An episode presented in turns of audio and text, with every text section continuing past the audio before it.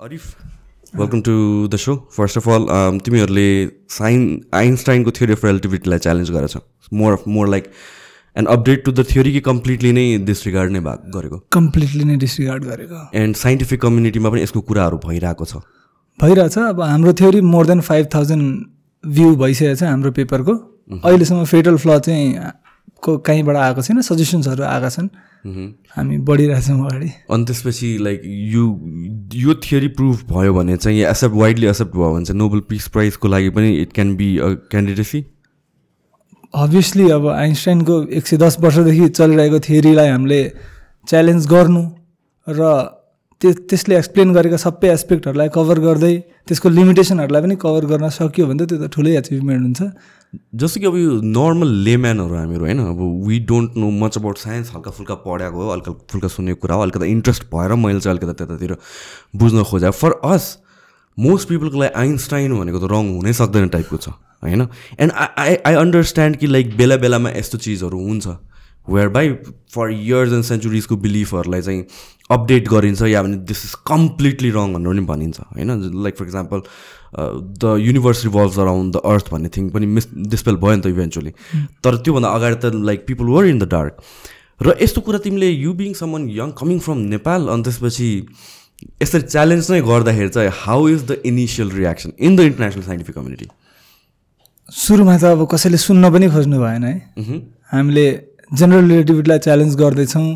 हामीले त्योभन्दा better theory अर्को कुरै नगरौँ। नेपालकै हाम्रा जेनरल रिलेटिभिटी कि special theory of relativity theory of जेन यस्तो हो। जेनरल रिलेटिभिटी त अल्टिमेटली स्पेसल रिलेटिभिटीसँग लिङ्क नै छ किनभने त्यसकै पोस्टुलेटमा आधारित छ नि त जेनरल रिलेटिभिटी दुइटै नै चेन्ज हुन्छ क्या यदि हाम्रो थ्योरी एक्सेप्ट भयो भने। किनभने पोस्टुलेटबाटै हामी अर्को डिरेक्सनमा लाग्यौँ कि कुनै पनि थ्योरी स्टार्ट एक्सप्लेनेसन स्टार्ट हुँदा चाहिँ पहिलो कुरो हुन्छ पोस्टुलेट त्यसपछि त्यसको आधारमा त्यसलाई बेसिस मानेर नि अगाडि बढ्दै बढ्दै बढ्दै गएर एउटा थियोरी डेभलप हुन्छ नि त। हामी चाहिँ थियोरीको पोस्टुलेटबाटै डाइभर्ट भएको छौँ क्या। ओके सो सो कस्तो रियाक्सन हुन्छ अरे युजली पिपलको सुरुमा सुन्नै पनि खोज्नुहुन्न। कहाँ आइन्स्टाइनलाई बिट गर्ने कुरा भन्छ नेपालको केटाले त्यो पनि एउटा फिजिक्स ब्याकग्राउन्ड हामी त प्र्याक्टिकल फिजिक्सको ब्याकग्राउन्डबाट हो इन्जिनियर भएपछि। त्यही भएर सुरुमा चाहिँ त्यो उहाँहरूले एक्सेप्ट नगरेको पनि ठिकै हो। मलाई पनि कसैले अप्रोच गर्यो एउटा इन्जिनियर हो र म आइन्स्टाइनको थ्योरीलाई बिट गर्छु भनेर आयो भने म आफै पनि पत्याउँदैन। तर के छ भने हामीले अहिलेसम्म चाहिँ जसलाई चाहिँ हामीले आफ्नो थ्योरीको कन्सेप्ट प्रेजेन्ट गरेका छौँ चाहे त्यो हाम्रा नास्टका सरहरू हुन् चाहे हामीले मेल मार्फत कन्ट्याक्ट गरेका ग्लोबली धेरै डक्टरेट स्कोलरहरू हुन् उहाँहरूले चाहिँ एकचोटि कन्सेप्ट सुनेपछि चाहिँ they had lot of questions क्या उहाँहरूलाई अझै अझै सुन्नु मन लाग्यो किनभने we are covering lot of things चाहे त्यो अब ब्ल्याक होल होस् चाहे क्वान्टम मेकानिक्स होस् ग्राभिटी होस् टाइम डाइलेसन होस् यति धेरै कुराहरूलाई चाहिँ एउटा कन्सेप्टले एक्सप्लेन गर्नु र आइन्स्टाइनको फरक डिरेक्सनमा हुनु भनेको चाहिँ अहिलेसम्मकै फर्स्ट टाइम हो क्या? अब अहिले आइन्स्टाइनको जेनरल रिलेटिभिटीको अल्टरनेटिभ के छ? भन्दाखेरि चाहिँ अब स्ट्रिङ थियोरीहरूको कुरा आउँछ क्या? जुन कि कम्प्लिट थियोरी हुँदै होइन।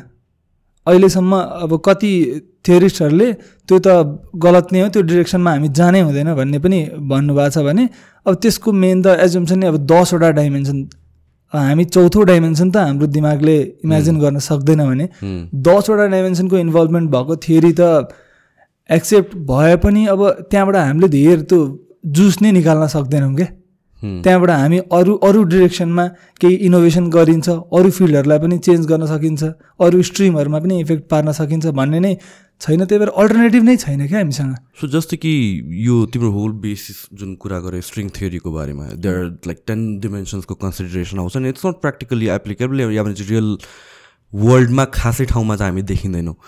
तर isn't the whole objective of physics भनेको त कतिवटा कन्सेप्ट्सहरू त थियोरीमा मात्र छ नि त। होइन आफ्टर इयर्स एन्ड इयर्स जस्तो ब्ल्याक होल्स पनि it was like theory theory थ्योरीमा त थियो until less we saw pictures of black holes so don't you think यो स्ट्रिङ थ्योरी पनि अब अहिलेको मोमेन्टमा पो इट्स जस्ट थ्योरी र प्र्याक्टिकल वर्ल्डमा एप्लिकेसन छैन? मेबी फ्युचरमा के एप्लिकेसन हुनसक्छ कि? अब यस्तो कुनै पनि थियोरीले चाहिँ अब साइन्सले नै के भन्छ भने कुनै थ्योरी चाहिँ के हुनु पऱ्यो भने त्यसले कुनै पनि फिजिकल फिनोमिनको त्यसले चाहिँ फ्युचर प्रे प्रेडिक्ट गर्न सक्नु पऱ्यो पहिले एक्जिस्टिङ पुरानो एक्जिस्टिङ थ्योरीभन्दा बढी एक्युरेसीमा बढी प्रेसिजनमा चाहिँ फ्युचर प्रेडिक्ट गर्न सक्नु भनेको एउटा सक्सेसफुल थियोरी हो नि त। अनि स्ट्रिङ थियोरीले त्यति धेरै एस्पेक्टहरू कभर गर्दैन क्या। त्यो त्यो चाहिँ ड्रब्याक रह्यो क्या स्ट्रिङ थियोरीको लागि चाहिँ। अनि अब पर्सिभेबल अब हामीले हाम्रो प्रिकन्सिभ नोसनले पनि एक्सेप्ट गर्दैन क्या त्यो। दसवटा डाइमेन्सन। कसरी होइन त्यो इमेजिन गर्न पनि. सकिँदैन नि त। सो तिम्रो जुन यो ओके के भन्नु हाम्रो थ्योरीमा चाहिँ हामीले हामीले चाहिँ चारवटा डाइमेन्सन हामीले फोर डाइमेन्सन त पहिलेदेखि नै सुनिरहेछौँ तर अब according to Einstein's theory fourth dimension भनेको टाइम हो भनेर भनियो नि त। अहिलेसम्म अहिलेको करेन्ट थ्योरी मानिने नै त्यही हो। मानिने नै त्यही we are coming up with an idea of fourth spatial dimension okay fourth dimension पनि स्पेस नै हो। मह्म। अनि त्यो एउटा एजम्सनले चाहिँ तपाईँको यति धेरै इज क्रिएट गर्छ चाहे त्यो तपाईँले एउटा ग्राभिटी बुझ्ने कुरा होस् चाहे तपाईँले अब क्वान्टम मेकानिक्सको वेभ फङ्सनकै कुरा गर्नु। त्यो अब एउटा एक्स्ट्रा डाइमेन्सनले चाहिँ धेरै कुराहरूमा हामीलाई एउटा एक्स्ट्रा स्पेसियल डाइमेन्सन है ले चाहिँ हामीलाई धेरै कुरा सजिलै बुझ्ने अवसर दिन्छ क्या। Okay so before moving on to this यो फोर्थ स्पेसल यो फोर्थ डिमेन्सन या यो नयाँ सेकेन्ड स्पेसल डिमेन्सन भनेको के हो त्यहाँ पुग्नुभन्दा अगाडि चाहिँ जुन यो तिमीहरूले थियोरी पब्लिस गरेका छौ प्रपोज गरेका छौ भनौँ न त्यो पब्लिस चाहिँ कहाँ भएछ अरे यो हाम्रो अहिलेसम्म हाम्रो सेभेन सेभेन फ्रेगमेन्ट्समा छ हाम्रो एन्सियन्ट थियरी अफ एभ्रिथिङ त्यसको पहिलो दुइटा फ्रेगमेन्ट ग्राभिटी होइन बुक होइन it's it's a compilation of seven theories seven theories under one concept uh तुरिय the fourth spatial डाइमेन्सनमा आधारित छ यो। Fourth gravity in fourth spatial dimension पहिलो एउटा र दोस्रो चाहिँ time dilation in fourth spatial dimension भन्ने यो दुईवटा पेपर हामीले ओपन साइन्स फ्रेमवर्क भन्ने वेबसाइटमा हामीले आफ्नो प्रिप्रिन्ट अपलोड गरिसकेका छौँ। तपाईँले गुगल गर्दा पनि त्यो इजिली पढ्न सक्नुहुन्छ। यो र त्यसमा हाम्रो मेल आइडी पनि छ। If you can if you want to submit any reviews हामी रिभ्यूलाई चाहिँ एकदम सिरियसली लिन्छौँ क्या हाम्रो अहिलेसम्म आएका रिभ्यूहरूलाई चाहिँ ढिलो चाँडोको कुरा हो तर हामीले चाहिँ अहिलेसम्म सबैलाई चाहिँ रेस्पोन्ड गर्न खोजिरहेछौँ। हाम्रो दिनमा more than ten to fifteen रिभ्युजहरू आइरहेछ अहिले। अहिले पनि? अहिलेको पनि। So it it's hot topic right now के कुन वेबसाइटमा भन्नु भन्नु open science framework so it is scientific कम्युनिटीमा it's a big thing yes it's a big thing रिभ्यूको लागि बिगेस्ट नै हो। एक यति कम टाइममा फाइभ थाउजन्ड प्लस भ्यू हुनु ओपन साइन्स फ्रेमवर्क भन्ने प्रिप्रिन्टमै अहिलेसम्म अहिलेसम्म हामीले चाहिँ देखेको छैनौँ। त्यो स्ट्याट्स चाहिँ अब डिरेक्टली त्यो स्ट्याट्स हेर्न चाहिँ मिल्ने हामीले भेटेनौँ तर हामीले विभिन्न पेपरहरू हामीले धेरै पेपरहरू स्टडी गरेका छौँ नि चाहे त्यो आर्काइभको होस् चाहे ओएसएफको होस् यति कम टाइममा यति धेरै भ्यू भएको चाहिँ हामीले देखेको छैनौँ। कति भयो तिमीहरूले पब्लिस गरे? डेढ महिना जति भयो। ओके सो सो त्यसबाट चाहिँ पिपल आर लाइक हुन्छ त्यसमा रिभ्यू गर्ने ओर सजेसन दिने या क्रिटिक गर्ने they are allowed to do that होइन? Are- र अहिलेसम्म केही क्रिटिसिजम पाएको छ या भन्छ काउन्टर केही? क्रिटिसिजम त अब कसरी गर्न सक्छ फलानोले भन्ने खालको क्रिटिसिजम मात्रै आएको छ क्या? लजिकल क्रिटिसिजम चाहिँ आएको छैन अहिलेसम्म। It is more like Einstein भनेको आइन्स्टाइन हो अनि हाउ क्यान यु क्वेसन भन्ने। जो जो मान्छेको दिमाग अहिलेसम्म म्युजियममा राखिएको छ अहिलेसम्म एन्टायर ह्युमेनिटीकै सबसे इन्टेलिजेन्ट मान्छे जसलाई मानिन्छ त्यो दिमागलाई च्यालेन्ज गर्ने तिमीहरू को हो भन्ने खालको क्रिटिसिजम आएको छ क्या? अनि हामी के भन्छौँ भने म्यान आई द कन बे हुँ, हामी होइन भने कसले गर्छ? हामी अब म आफै एउटा म यो आठ वर्षदेखि म यो कन्सेप्टमा लागेको छु। म पहिला ग्राभिटीमा मात्रै काम गर्दै थिएँ सिक्स इयर्ससम्म मैले ग्राभिटीमा मात्रै काम गरेको छु। अनि त्यसपछि सिक्स इयरमा चाहिँ मैले ग्राभिटीको एउटा सल्युसन भेटेपछि अनि त्यसपछि हामीले मेरो एकजना साथीको मामा हुनुहुन्छ नासामा उहाँसँग कन्ट्याक्ट गर्दा चाहिँ उहाँले के भन्नुभयो भने तिमीहरूले ग्राभिटी मात्रै एक्सप्लेन गरेर हुँदैन। That will not be enough यदि तिमीहरूलाई ग्लोबली यो आफ्नो थ्योरी ल्याउनु छ भने तिमीहरूले जेनरल रिलेटिभिटी र स्पेसल रिलेटिभिटीले एक्सप्लेन गरेका सबै एस्पेक्टहरू एक्सप्लेन गर्न सक्नु पऱ्यो र साथै त्यसले एक्सप्लेन गर्न नसकेको कमसेकम एउटा केही एक्सप्लेन गर्न सक्नु पऱ्यो अनि मात्रै त्यो युजफुल हुन्छ। नभए किन हेरोस् एउटा जानिसकेको थ्योरी छोडेर तिमीहरूकोतिर थ्योरीतिर किन कोही आओस् भन्ने खालको कुरा भयो र बाँकी दुई वर्षमा हामीले यो रिमेनिङ काम गऱ्यौँ र अहिलेसम्म मजा आइरहेछ। So let let's get into the topic I mean like डाइमेन्सन्सहरूबाट सुरु गरौँ न। किनभने it's really hard to grasp the concept of four dimension नै के होइन मान्छेहरूले चाहिँ बुझ्दैन त्यो फोर्थ डाइमेन्सन भनेको हो it took me a long time अहिले पनि मैले बुझाएको छु जस्तो लाग्दैन कि न्युमरस आवर्स अफ भिडियोज हेरेपछि म, बुझ्या हो कि जस्तो लाग्छ I'm not sure I want to confirm with so first dimension भनेको बेसिकली जस्ट लिनियर भयो। टु डिमेन्सन भनेको देयर इज अनदर एस्पेक्ट आयो either height or something like that third dimension भनेको डेप्थको कन्सेप्ट आयो होइन? तिनवटा एक्सेसको कुरा आयो। फोर्थ डिमेन्सन जुन चाहिँ जुन जुन युनिभर्सली एक्सेप्टेड छ which is time does that mean an object अहिलेको टाइममा पहिलाको टाइममा with all the three dimensions or what is it fourth डिमेन्सनलाई कसरी एक्सप्लेन गर्छौ इजिएस्ट वेमा पहिला म टाइमतिरको फोर्थ डाइमेन्सन अहिले एक्जिस्टिङ फोर्थ डाइमेन्सन एक्सप्लेन गर्छु। त्यो के हो भने जस्तो जेनरल रिलेटिभिटीले के भन्छ भने टाइम र स्पेस चाहिँ फरक होइन। त्यो टाइम र स्पेसको एउटा फेब्रिक छ क्या त्यो वोभन वोभन टुगेदर छन्। अब टाइमलाई छुट्टै र स्पेसलाई छुट्टै मान्न पाइएन। जसरी तपाईँहरू स्पेसमा अगाडि बढ्नुहुन्छ त्यसरी नै तपाईँको मोसन टाइममा पनि अगाडि बढिरहेको हुन्छ स्पिड फरक हुन्छ होइन?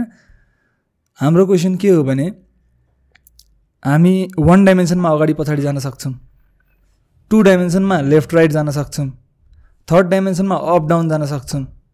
फोर्थ डाइमेन्सन टाइम हो भने अगाडि मात्रै किन जान सक्छौँ?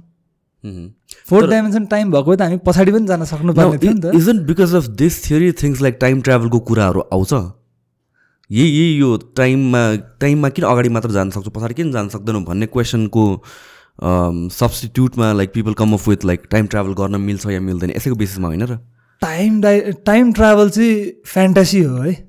त्यो मलाई चाहिँ कसैले सोध्यो भने चाहिँ टाइम डाइलेसन पोसिबल छैन। जुन तरिकाले फिल्महरूमा हेरिन्छ नि यो म यहाँ छु अब केही टाइममा म नाइन्टिन हन्ड्रेड्समा पुगिहाल्छु अनि त्यहाँ गएर केही गर्छु त्यो फिजिकली पोसिबल छैन I understand and I completely agree तर लाइक थियो फिजिक्सको कतिवटा कन्सेप्टहरू चाहिँ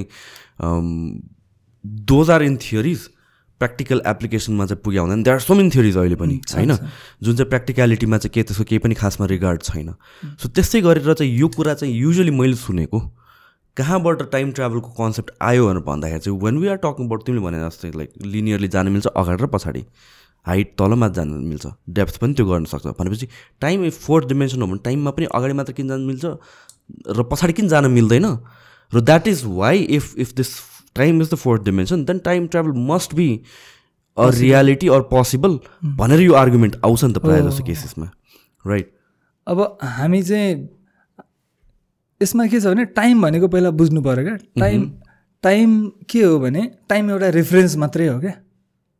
टाइमलाई अहिले एकछिनलाई डाइमेन्सन नमान्नु ल। टाइम के हो? जस्तो तपाईँको तपाईँको हातमा घडी छ। टाइम भनेको के हो भने तपाईँले पन्ध्र मिनटमा म यो काम गरिसक्छु भनेको के हो?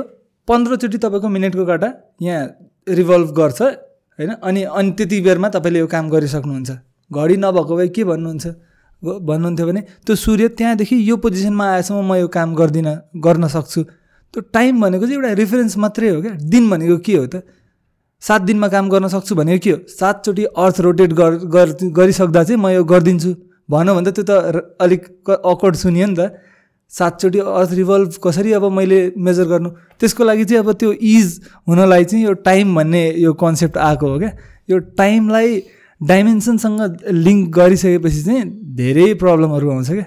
धेरै कुराहरू मिल्दैन। टाइम र स्पेसलाई जब हामी इक्वेलेन्ट भन्न थाल्छौँ नि त्यस्तो हुन्छ क्या। त्यो त्यो त्यो एउटा कारण। मलाई ठ्याक्कै एउटा क्वेसन आयो कि यसमा सोच्दा सोच्दै।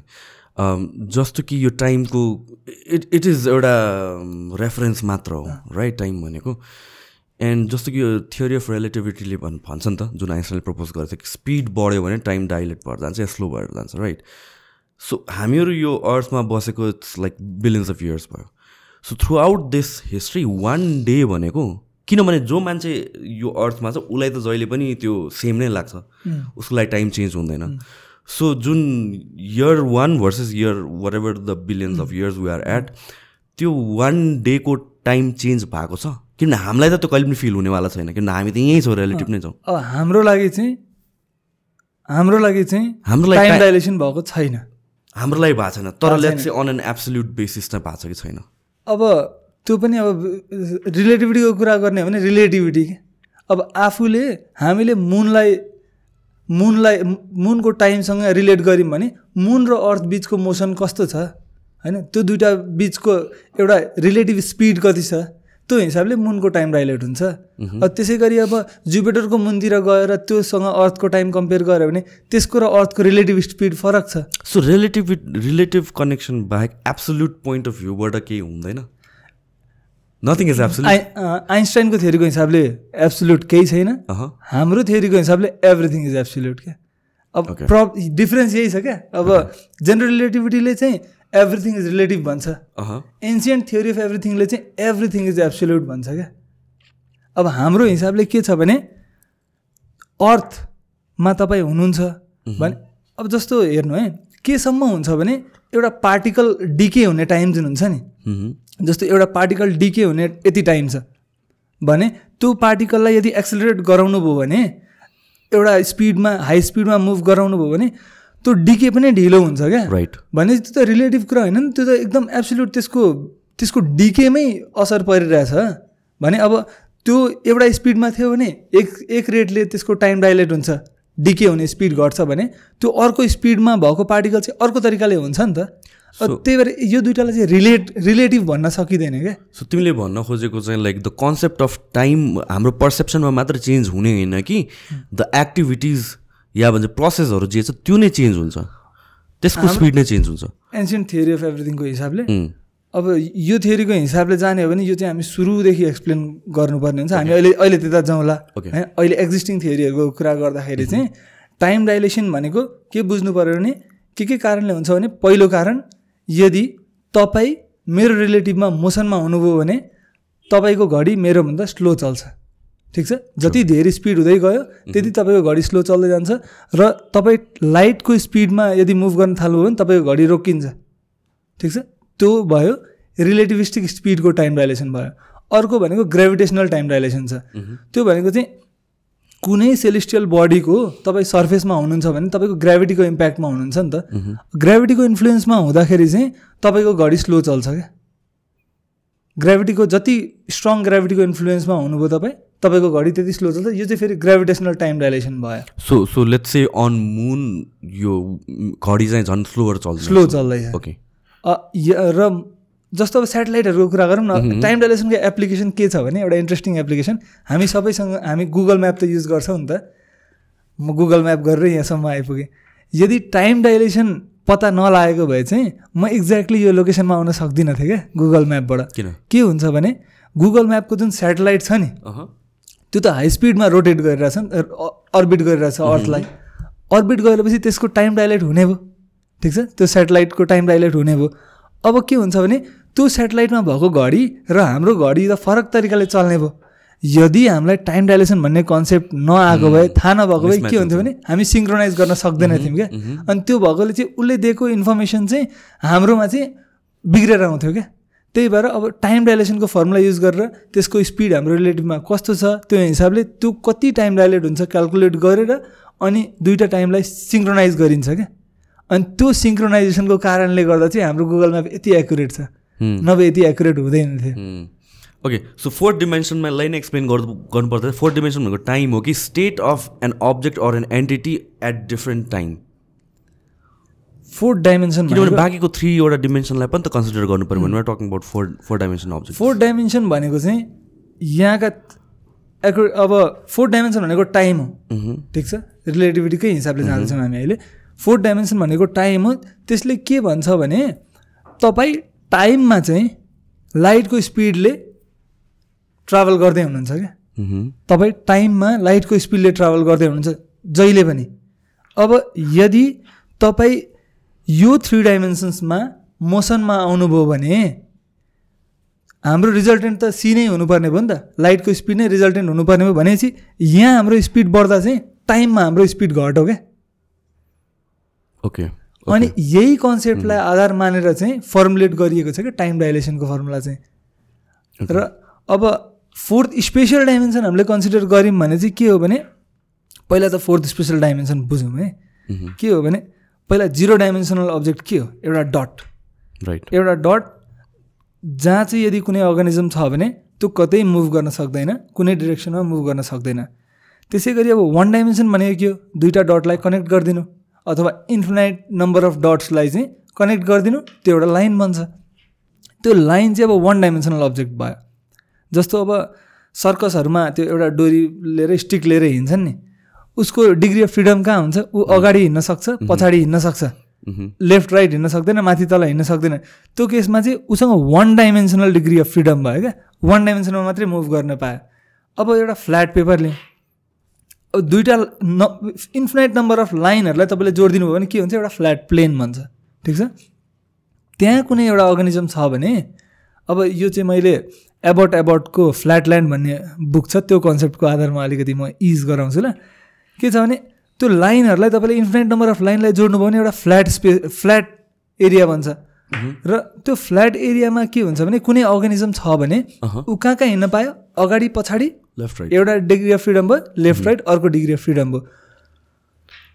त्यो बुकमा एउटा के कहानी छ भने एउटा ट्रायङ्गल भन्ने एउटा अर्गनिजम थियो। अनि ऊ एक दिन घुम्न गइरहेको थियो। अनि उसले एउटा सर्कल देख्यो क्या। ग्राउन्डमा एउटा सर्कल देख्यो। अनि सर्कल देख्यो सर्कल चाहिँ फेरि घरि सानो हुन्छ घरि ठुलो हुन्छ। त्यो बढी पनि रहेछ कहिले घटी पनि रहेछ देख्यो। अनि उसले सोध्यो सर्कललाई के हो? म त जहिले पनि त्यही साइजमा हुन्छु। तिम्रो साइज त बढिरहेछ घटिरहेछ भनेर भन्छ। अनि उसले सोध्छ कसरी यस्तो भइरहेछ अनि त्यो सर्कलले के भन्छ? त बुझ्दैनस् म स्फेयर हो भन्छ क्या। अब स्फेयर भनेको के हो? ऊ त टु डाइमेन्सनल अर्गनिजम हो उसको लागि लेन्थ ब्रेथ बाहेक केही छैन। उसलाई हाइट भन्ने चिज डेप्थ भन्ने चिज उसले कहिले एक्सपिरियन्स गरेकै थिएन। अनि स्फेयरले भन्यो कि हाम्रोमा चाहिँ जस्तो तिमीहरूको लेन्थ र ब्रेथ हुन्छ हाम्रोमा हाइट पनि हुन्छ हाम्रो युनिभर्समा चाहिँ। तिमीहरू बुझ्दैनौ त्यो कुरा। अनि उसले फेरि भन्छ कि होइन हाइट त हाम्रोमा पनि हुन्छ लेन्थ र हाइट हुन्छ।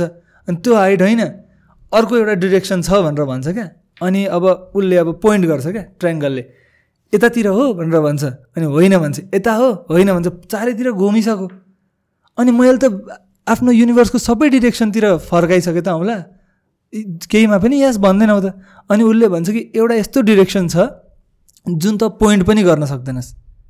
उसले भन्यो क्या किनभने टु डाइमेन्सनल अर्गनिजमले माथि र तल त पोइन्ट गर्न सकेन। अनि उसले बुझ्यो कि ए थर्ड डाइमेन्सन भन्ने यस्तो हुन्छ जुन जतातिर हामी पोइन्ट पनि गर्न सक्दैनौँ ऊ गयो आफ्नो गाउँ।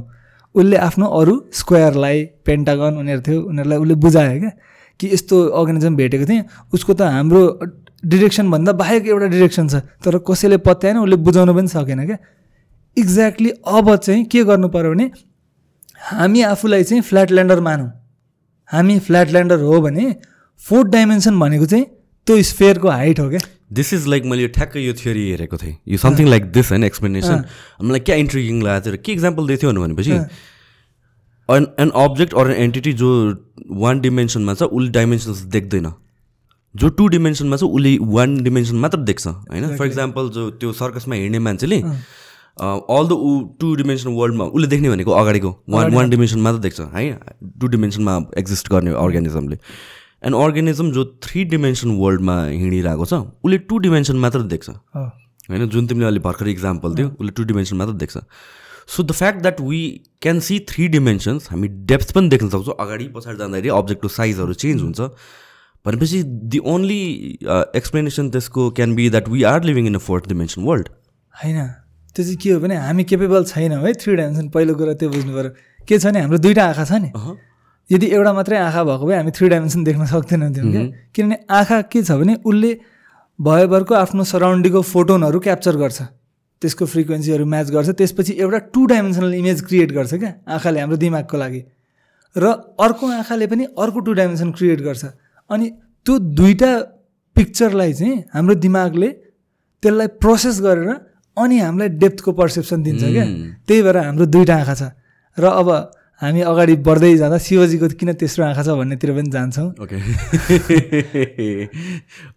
त्यही भएर हाम्रो दुइटा आँखा छ। एउटा आँखाले टु डाइमेन्सन हेर्न सक्छ र त्यो दुइटा टु डाइमेन्सनल पिक्चरलाई चाहिँ प्रोसेस गरेर हाम्रो दिमागले थ्री डाइमेन्सन पर्सिभ गर्छ क्या। ओके त्यस्तो हो। सो सो अब फोर्थ डिमेन्सन अकर्डिङ टु युतिर चाहिँ मैले बल्ल तल्ल यत्रो मिहिनेत गरेर आइन्स्टाइनको फोर्थ डिमेन्सन बुझ्न खोजेको थिएँ अब तिम्रो त्यो पनि काम नलाग्ने भयो। वाट वाट इज लाइक तिम्रो डिस्क्रिप्सन अफ फोर्थ डिमेन्सन अब के छ भने जस्ट मैले भने नि हामीले आफूलाई फो फ्ल्याट ल्यान्डर मान्नु पऱ्यो किनभने फोर्थ डाइमेन्सन त हाम्रो बसकै कुरा होइन हाम्रो दिमाग त्यति इभल्भ नै भएको छैन क्या। इभल्भ हामीले डिरेक्टली फोर डाइमेन्सनको कुरा गर्नु अथवा कुनै प्र फेनोमेननको कुरा गर्नु भनेको त्यति हाम्रो दिमाग इभल्भ नै भएको छैन। त्यस त्यो बुझ्नलाई चाहिँ के गर्नु पऱ्यो भने हाम्रो युनिभर्सलाई चाहिँ हामीले टु डाइमेन्सनल युनिभर्स मान्नु पऱ्यो ठिक छ? अनि फोर्थ डाइमेन्सनलाई चाहिँ अब यो जुन हाइटवाला चिज छ त्यो चाहिँ फोर्थ डाइमेन्सनको लागि छोडिदिउँ। अब हाम्रो थियोरीको हिसाबले के छ भने all the objects that we are observing चाहे त्यो यो कप हो माइक हो जग हो तपाईँ म हामी सबै चाहिँ फोर डाइमेन्सनल अर्गानिजमको फोर डाइमेन्सनल बडीको एउटा थ्री डाइमेन्सनल क्रस सेक्सन मात्रै हो। जस्तो यो पेनलाई यदि यो पेपरबाट मैले यो पेपरको थ्रु क्रस गरेँ भने यहाँ यो पेपरमा के देखिन्छ? एउटा सर्कल देखिन्छ नि त। सर्कल कन्टिन्युसली देखिन्छ देखिन्छ देखिन्छ पेन क्रस भइसक्छ यहाँबाट यहाँबाट भित्र क्रस भइसक्छ जान्छ अनि सर्कल डिसपियर भएको देखिन्छ नि। त्यही भइरहेछ क्या यहाँ। अब के छ भने यो कपको फोर डाइमेन्सनल बडी चाहिँ थ्री डाइमेन्सनको थ्रु लाइटको स्पिडमा कन्टिन्युसली ट्राभल गरिरहेछ जहिले पनि। यति मात्रै एउटा कन्सेप्टलाई हामीले एक्सेप्ट गऱ्यौँ भने यति मात्रै एउटा पोस्टुलेटलाई हामीले एक्सप्लेन गऱ्यौँ भने हामीले time dilation gravity black hole quantum mechanics सबै बुझ्न सक्छौँ क्या? अब बुझ्नु है? के छ भने एनी फोर डाइमेन्सनल बडी चाहे जेसुकै होस् जुनै पनि फोर डाइमेन्सनल बडी चाहिँ फोर डाइमेन्सनल हाइपर स्पेसमा चाहिँ लाइटको स्पिडमा ट्राभल गरिरहेछ। ठिक छ? जहिले पनि चाहे जेसुकै होस् त्यसको रिजल्टेन्ट स्पिड चाहिँ लाइटको स्पिड नै रहन्छ। अब यदि यो थ्री डाइमेन्सनमा तपाईँ मुभ गर्नुभयो मानव तपाईँ केही किलोमिटर पर सेकेन्डले मुभ गर्नुभयो हाम्रो फोर डाइमेन्सनको स्पिड त कन्सटेन्ट छ। जहिले पनि कन्सटेन्ट छ। भनेपछि थ्री डाइमेन्सनमा स्पिड बढ्दा चाहिँ फोर्थ डाइमेन्सनको स्पिड घट्ने भयो। थ्री डाइमेन्सनमा स्पिड बढ्यो भने फोर डाइमेन्सनको स्पिड घट्यो भने न रिजल्टेन्ट सीको सी रहन्छ। त्यो रिजल्टेन्टलाई चाहिँ सीको सी राख्नलाई चाहिँ फोर डाइमेन्सनको स्पिड अब घटिदिन्छ। ठिक छ? अब फोर डाइमेन्सनको स्पिड घट्दा के हुन्छ भने पहिलाको मुभीहरूमा के हुन्थ्यो? प्रोजेक्टर अगाडि हुन्थ्यो। रिल हुन्छ। रिल चाहिँ कन्टिन्युसली त्यो प्रोजेक्टरको अगाडिबाट क्रस हुन्छ नि। अनि त्यो फ्रेम फ्रेम फ्रेम हुँदै हामी मुभी हेर्छौँ नि त। अब मानौ त्यो त्यो रिललाई चाहिँ एकदम छिटो मैले भगाएँ भने के हुन्छ त्यो फिल्म फास्ट चल्छ नि। अब रिललाई अलिकति स्लो मुभ गऱ्यौँ भने त्यो फिल्म स्लो चल्छ नि। त्यही भएर चाहिँ। अब फोर डाइमेन्सनमा अब हेर्नु। हामी थ्री डाइमेन्सनमा मुभ गर्दाखेरि हाम्रो फोर्थ डाइमेन्सनको स्पिड घट्यो। बट त्यसो भए त यो fourth डाइमेन्सनको speed it's relative to every single individual आफ्नो आफ्नो। ओके मेरो आफ्नो फोर डाइमेन्सनल हाइपर बडी छ जस्तो यो पेनको क्रस सेक्सन यहाँ सर्कल हुन्छ नि त ठिक छ? यो पेनको क्रस सेक्सन हेर्ने भने काटेर हेर्ने भयो भने त टु डाइमेन्सन एउटा सर्कल मात्रै हुन्छ नि त। त्यसै हामी चाहिँ फोर्थ डाइमेन्सन बडीको फोर डाइमेन्सनल बडीको थ्री डाइमेन्सनल क्रस सेक्सन मात्रै हो। र अब हामी यहाँ थ्री डाइमेन्सनमा मुभ गर्दा चाहिँ फोर्थ डाइमेन्सनमा चाहिँ हाम्रो स्पिड घट्नै पर्ने भयो क्या किनभने रिजल्टेन्टलाई चाहिँ कन्सटेन्ट राख्नलाई। रिजल्टेन्टलाई जहिले पनि सी राख्नलाई चाहिँ फोर डाइमेन्सनको स्पिड घट्ने भयो। फोर डाइमेन्सनको स्पिड घट्दा त्यो रिल चाहिँ स्लो गयो जस्तै हो क्या। अनि अब टाइम स्लो भयो क्या। बुझ्नुभयो? अनि यसरी हुन्छ time dilation but then the laws of physics for individual change हुन्छ त। इन्डिभिजुअल पर्सनको स्पिड अनुसारले इच इन्डिभिजुअलको लागि ल अफ फिजिक्स बेन्ड हुन्छ। हुन्छ। अब जस्तो तपाईँको तपाईँ यदि एउटा स्पिडमा मुभ गर्नुभयो भने त तपाईँको लागि मात्रै टाइम डाइलेसन हुन्छ नि? मेरो लागि हुँदैन। अब म मुभ गरेँ भने तपाईँको लागि हुँदैन मेरो लागि मात्रै टाइम डाइलेसन हुन्छ कि let let me get this पहिला सुरु। यो जुन टाइम डाइलेसनको कन्सेप्ट छ नि अहिलेसम्म मलाई लागेको कुरा this is all just for movies र थियोरी मात्र। This happens in real time yes it's it's it happens in real यो एक्सपेरिमेन्टली प्रोभन हो। यो यो केही त्यो फ्यान्टा फ्यान्टासीको कुरा होइन। टाइम डाइलेसन हुन्छ नि। टाइम डाइलेसन मैले भनिहालेँ त यदि टाइम डाइलेसनलाई कन्सिडर नगर्ने हो भने त गुगल म्याप नै चल्दैन। हाम्रो गुगल म्याप यति एकुरेट हुँदै हुँदैन। अरू धेरै त्यसको एप्लिकेसनहरू पनि छन्। पार्टिकल एक्सिलेटरहरूको कुरा गर्दा पनि त्यहाँ पनि पार्टिकलहरूलाई स्टडी गर्नलाई चाहिँ हामीले टाइम डाइलेसनलाई चाहिँ इन्क्लुड गर्नुपर्ने हुन्छ क्या। त्यो एकदम रियल कुरा हो। टाइम डाइलेसन र टाइम ट्राभल चाहिँ फरक कुरा हो त्यो बुझ्नु पऱ्यो क्या। अब फेरि मैले एकचोटि सर्टकटमा लगेँ ल। के भयो भने हाम्रो फोर डाइमेन्सनको रिजल्टेन्ट चाहिँ जहिले पनि कन्सटेन्ट रहने भयो सी नै रहने भयो। ठिक छ? लाइटको स्पिड अब थ्री डाइमेन्सनमा हामी मुभ गऱ्यौँ भने थ्री डाइमेन्सनमा हाम्रो स्पिड बढ्यो भने त रिजल्टेन्ट कन्सटेन्ट हुनलाई त फोर्थ डाइमेन्सन स्पिड घट्नुपर्ने भयो। अब फोर्थ डाइमेन्सन स्पिड घट्नु भनेको चाहिँ त्यो रिल जुन रिल हाइपोथेसिस भन्यो नि त्यो रिल चाहिँ अब स्लो जाने भयो नि त फोर्थ डाइमेन्सनको स्पिड घटेपछि। अनि त्यो स्लो भएपछि चाहिँ हामीले टाइम चाहिँ स्लो गएको त्यो हामी पर्सिभ गर्छौँ क्या। पर्सिभ होइन हामी एक्सपिरियन्स नै गर्छौँ टाइम स्लो भएको। त्यस्तो छ।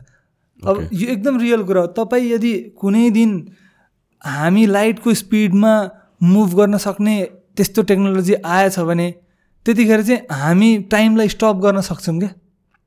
तर हामी पास्टमा चाहिँ जान सक्दैनौँ है।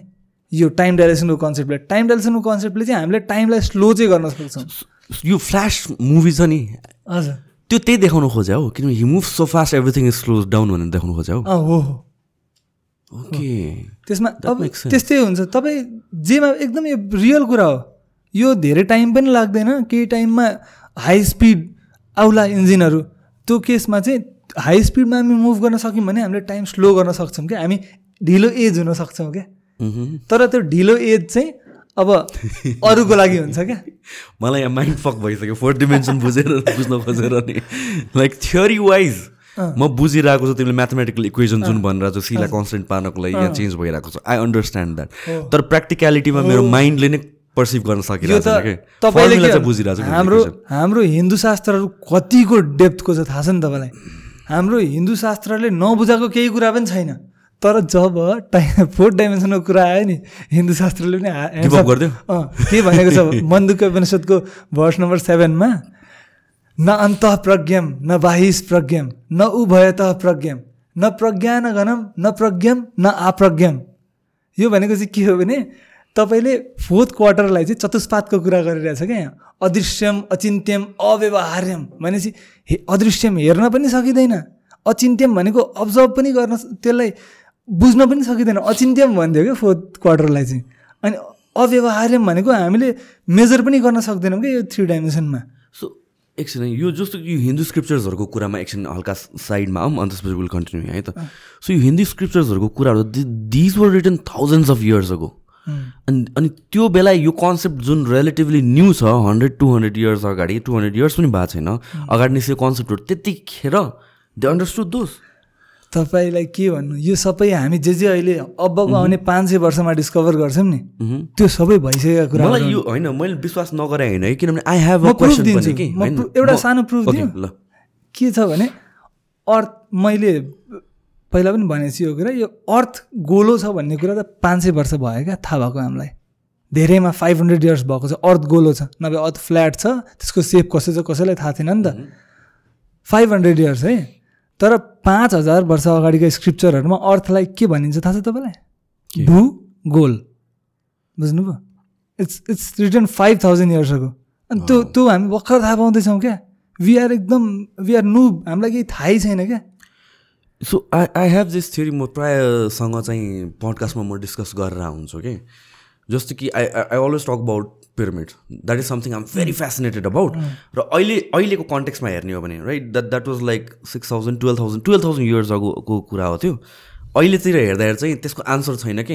हाउ मिलियन्स अफ ब्लक्स जुन चाहिँ each weighing at least one point five to two point five टनलाई like to three hundred I don't know some insane fifty miles कि to to three hundred miles परबाट ल्याएर कसरी त्यो बनायो? जुन बेला we assume like technology त खासै केही पनि थिएन। हामीले अहिले अज्युम गरे क्या अनि मलाई त्यसको आन्सर एउटा ब्लाइन्डली एक्सप्लेन गर्न नसक्दाखेरि एकजना मान मान्छेहरूले प्रायःले के भन्छ भने एलियन्स ल्याएर बनाइदियो भनेर भन्छ होइन? बट त्यसको लजिकल रिजनिङ मलाई के लाग्छ भनेपछि त्यो सिभिलाइजेसन टुवेल्भ थाउजन्ड इयर्स अगाडि होइन कि it was probably hundred and thousands अगाडिदेखि सिभिलाइजेसन थियो जुन चाहिँ इभल्भ हुँदै हुँदै टुवेल्भ थाउजन्ड इयर्स अगाडिसम्म एउटा पिनिकलमा पुगेको थियो। अनि त्यतिखेर टेक्नोलोजी र science and everything were so advance अनि some kind of catastrophic event or something like that भएर हाम्रो हाम्रो सिभिलाइजेसन डिस्कन्टिन्यू भयो. अनि वेयर बिल्डिङ फ्रम तलबाट अगेन के एक्ज्याक्टली आई बिलिभ म त हन्ड्रेड पर्सेन्ट भन्छु यो कुरा। म आफूलाई तपाईँलाई म मसँग केही भएका छन् कति इभेन्टहरू म लाइक मैले यो थियोरी गरेकै पनि मेरो एउटा ड्रिमबाट स्टार्ट भयो क्या। मलाई अब त्यो कस्तो वियर्ड सुनिन्छ कि? म त्यस्तो यो सबमा धेरै म मेहनती मान्छे होइन क्या। म लास्ट अल्छी मान्छे हो। अब के भयो भने एक दिन के दिमागमा थियो एउटा डायरी र पेन छेउमा राखेर सुतेको थिएँ। के कारणले राखेको थिएँ त्यो मलाई पनि थाहा छैन।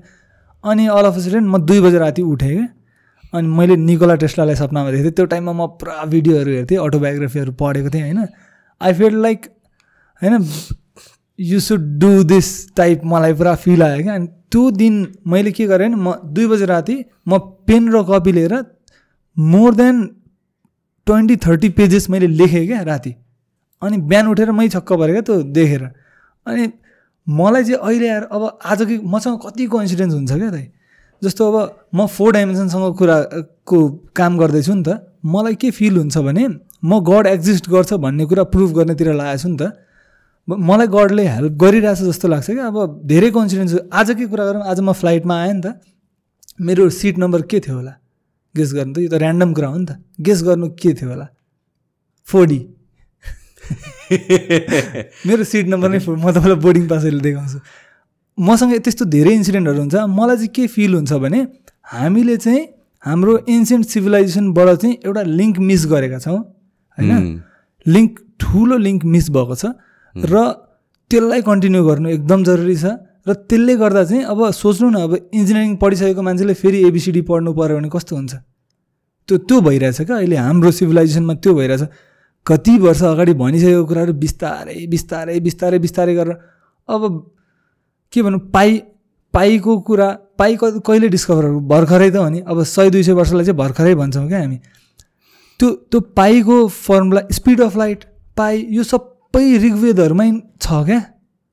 सोच्नु कन्टेक्समा छ यो फेरि फर्मुलाहरू स्पिड अफ लाइट त तपाईँले यज्नमा छ कि? यज्नमा तपाईँले कन्भर्ट गर्नुभयो भने तपाईँले एक्ज्याक्टली स्पिड अफ लाइट भेट्नुहुन्छ। जुन अब म्याक्सवेलले होइन कति मिहिनेत गरेर पत्ता लगाएको क्याभेन्डिसले विभिन्न फिजिसिस्टहरूले कति मिहिनेत गरेर केयरफुल यो कुराहरूमा। यहाँ चाहिँ मान्छेले यो यो कुरा चाहिँ रिभ्यू गर्छ। एकदम एकदम म हन्ड्रेड पर्सेन्ट स्योर छु। I can calculate right here म योजनाबाट म क्यालकुलेट नै गर्न सक्छु नि। म म एउटा फिजिसिस्ट हो होइन। मलाई मलाई त्यो कुनै खालको कन्ट्रोभर्सीमा पर्नु पनि छ म साँच्चै भन्ने हो भने अब पोडकास्ट अलिकति क्याजुअल भएर भनिदिउँ भनिदिउँ भनिदिउँ लाग्दैछ कति कुराले होइन। नयाँ म यो रिलिजनको कुरालाई चाहिँ धेरै मिक्स गर्न खोज्दिनँ क्या। धेरैमा अब एउटा इन्टरभ्यूमा एउटा श्लोकको बारेमा एक्सप्लेन गरिदिन्छु।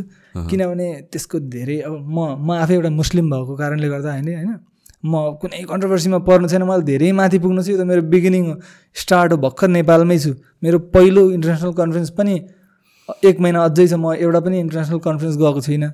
So long way to go त्यही भएर म यो कन्ट्रोभर्सीमा पर्न सक्दैन। तर जुनको बारेमा म कन्फिडेन्ट छु हन्ड्रेड पर्सेन्ट कन्फिडेन्ट छु त्यसको बारेमा बोल्नु के छ र? सो हिन्दू स्क्रिप्चर्सहरू कसरी स्टडी गर्नु थाल्यो? लाइक वाइ मेरो साथी छ दिव्यराज सापकोटा भन्ने इज अ ब्राह्मण अनि उसलाई मैले जबरजस्ती उसलाई ढोगेर कुरान पढ्न लगाएको थिएँ क्या।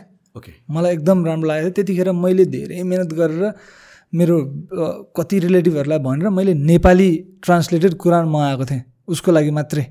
नेपाली ट्रान्सलेटेड कुरान उसलाई दिएर पढ्न लाएर अनि त्यसपछि उसले मलाई गीत भगवत गीता दियो। अनि भगवत गीताको म फ्यान भएँ क्या। म एकदम रिडर म धेरै बुकहरू पढ्छु। अनि भगवत गीता गीता पढ्दा चाहिँ यदि यसलाई बुकको क्याटेगोरीमा राख्ने हो भने चाहिँ मैले यतिको इन्ट्रेस्टिङ बुक र यतिको त्यो के हेल्पफुल बुक चाहिँ मैले देखेकै थिइनँ क्या। मैले भगवत गीता पढेर म रिसाउनै छोडिसकेँ। मेरो रि म अलिकति रिसा थिएँ भनौँ न अनि भगवत गीता पढेर मात्रै मैले रिस त्यागी नै दिएँ क्या। मलाई अहिले आजकल रिसै उठ्दैन। कसैले यहाँ नाकमा आएर कसैले हल्ला गऱ्यो भने नि चल भाइ इन्जोय भनेर अनि छोडिन्छ त्यो त्यसो I got start started getting influence होइन। त्यसपछि अब अब मुस्लिमको पनि विभिन्न स्क्रिप्चरहरू हुन्छ हदितहरू हुन्छ त्यो पनि पढ्थेँ म। अनि आई वाज भेरी इन्ट्रेस्टेड म एन्थ्रोपोलोजीको पनि स्टुडेन्ट हो नि त मानवशास्त्रको। अनि त्यसले गर्दा पनि मलाई एक्सेस भयो क्या। यो पनि पढ्न पाइयो यो पनि पढ्न पाइयो। अनि इन्जिनियरिङ भएको कारणले प्र्याक्टिकल फिजिक्स पनि जाने होइन। त्यसरी चाहिँ म अब जति पढिन्छ जति डिप गइन्छ त्यति झन् इन्ट्रेस्ट बढ्दै जाने त हो नि त्यस्तै भएको मेरो पनि। So with all the स्क्रिप्चर्सहरू like do what you think like Hindu जुन स्क्रिप्चर्सहरूको कुरा गर्यो do think that's the oldest religion yeah Hindu scripture भनेको चाहिँ तपाईँले यदि त्यसलाई त्यहाँबाट यसलाई रिलिजियस नभनेर होइन साइन्टिफिक बुकहरू भनेर जब पढ्न थाल्नुहुन्छ नि अनि तपाईँले त्यसको जुस पाउनुहुन्छ क्या?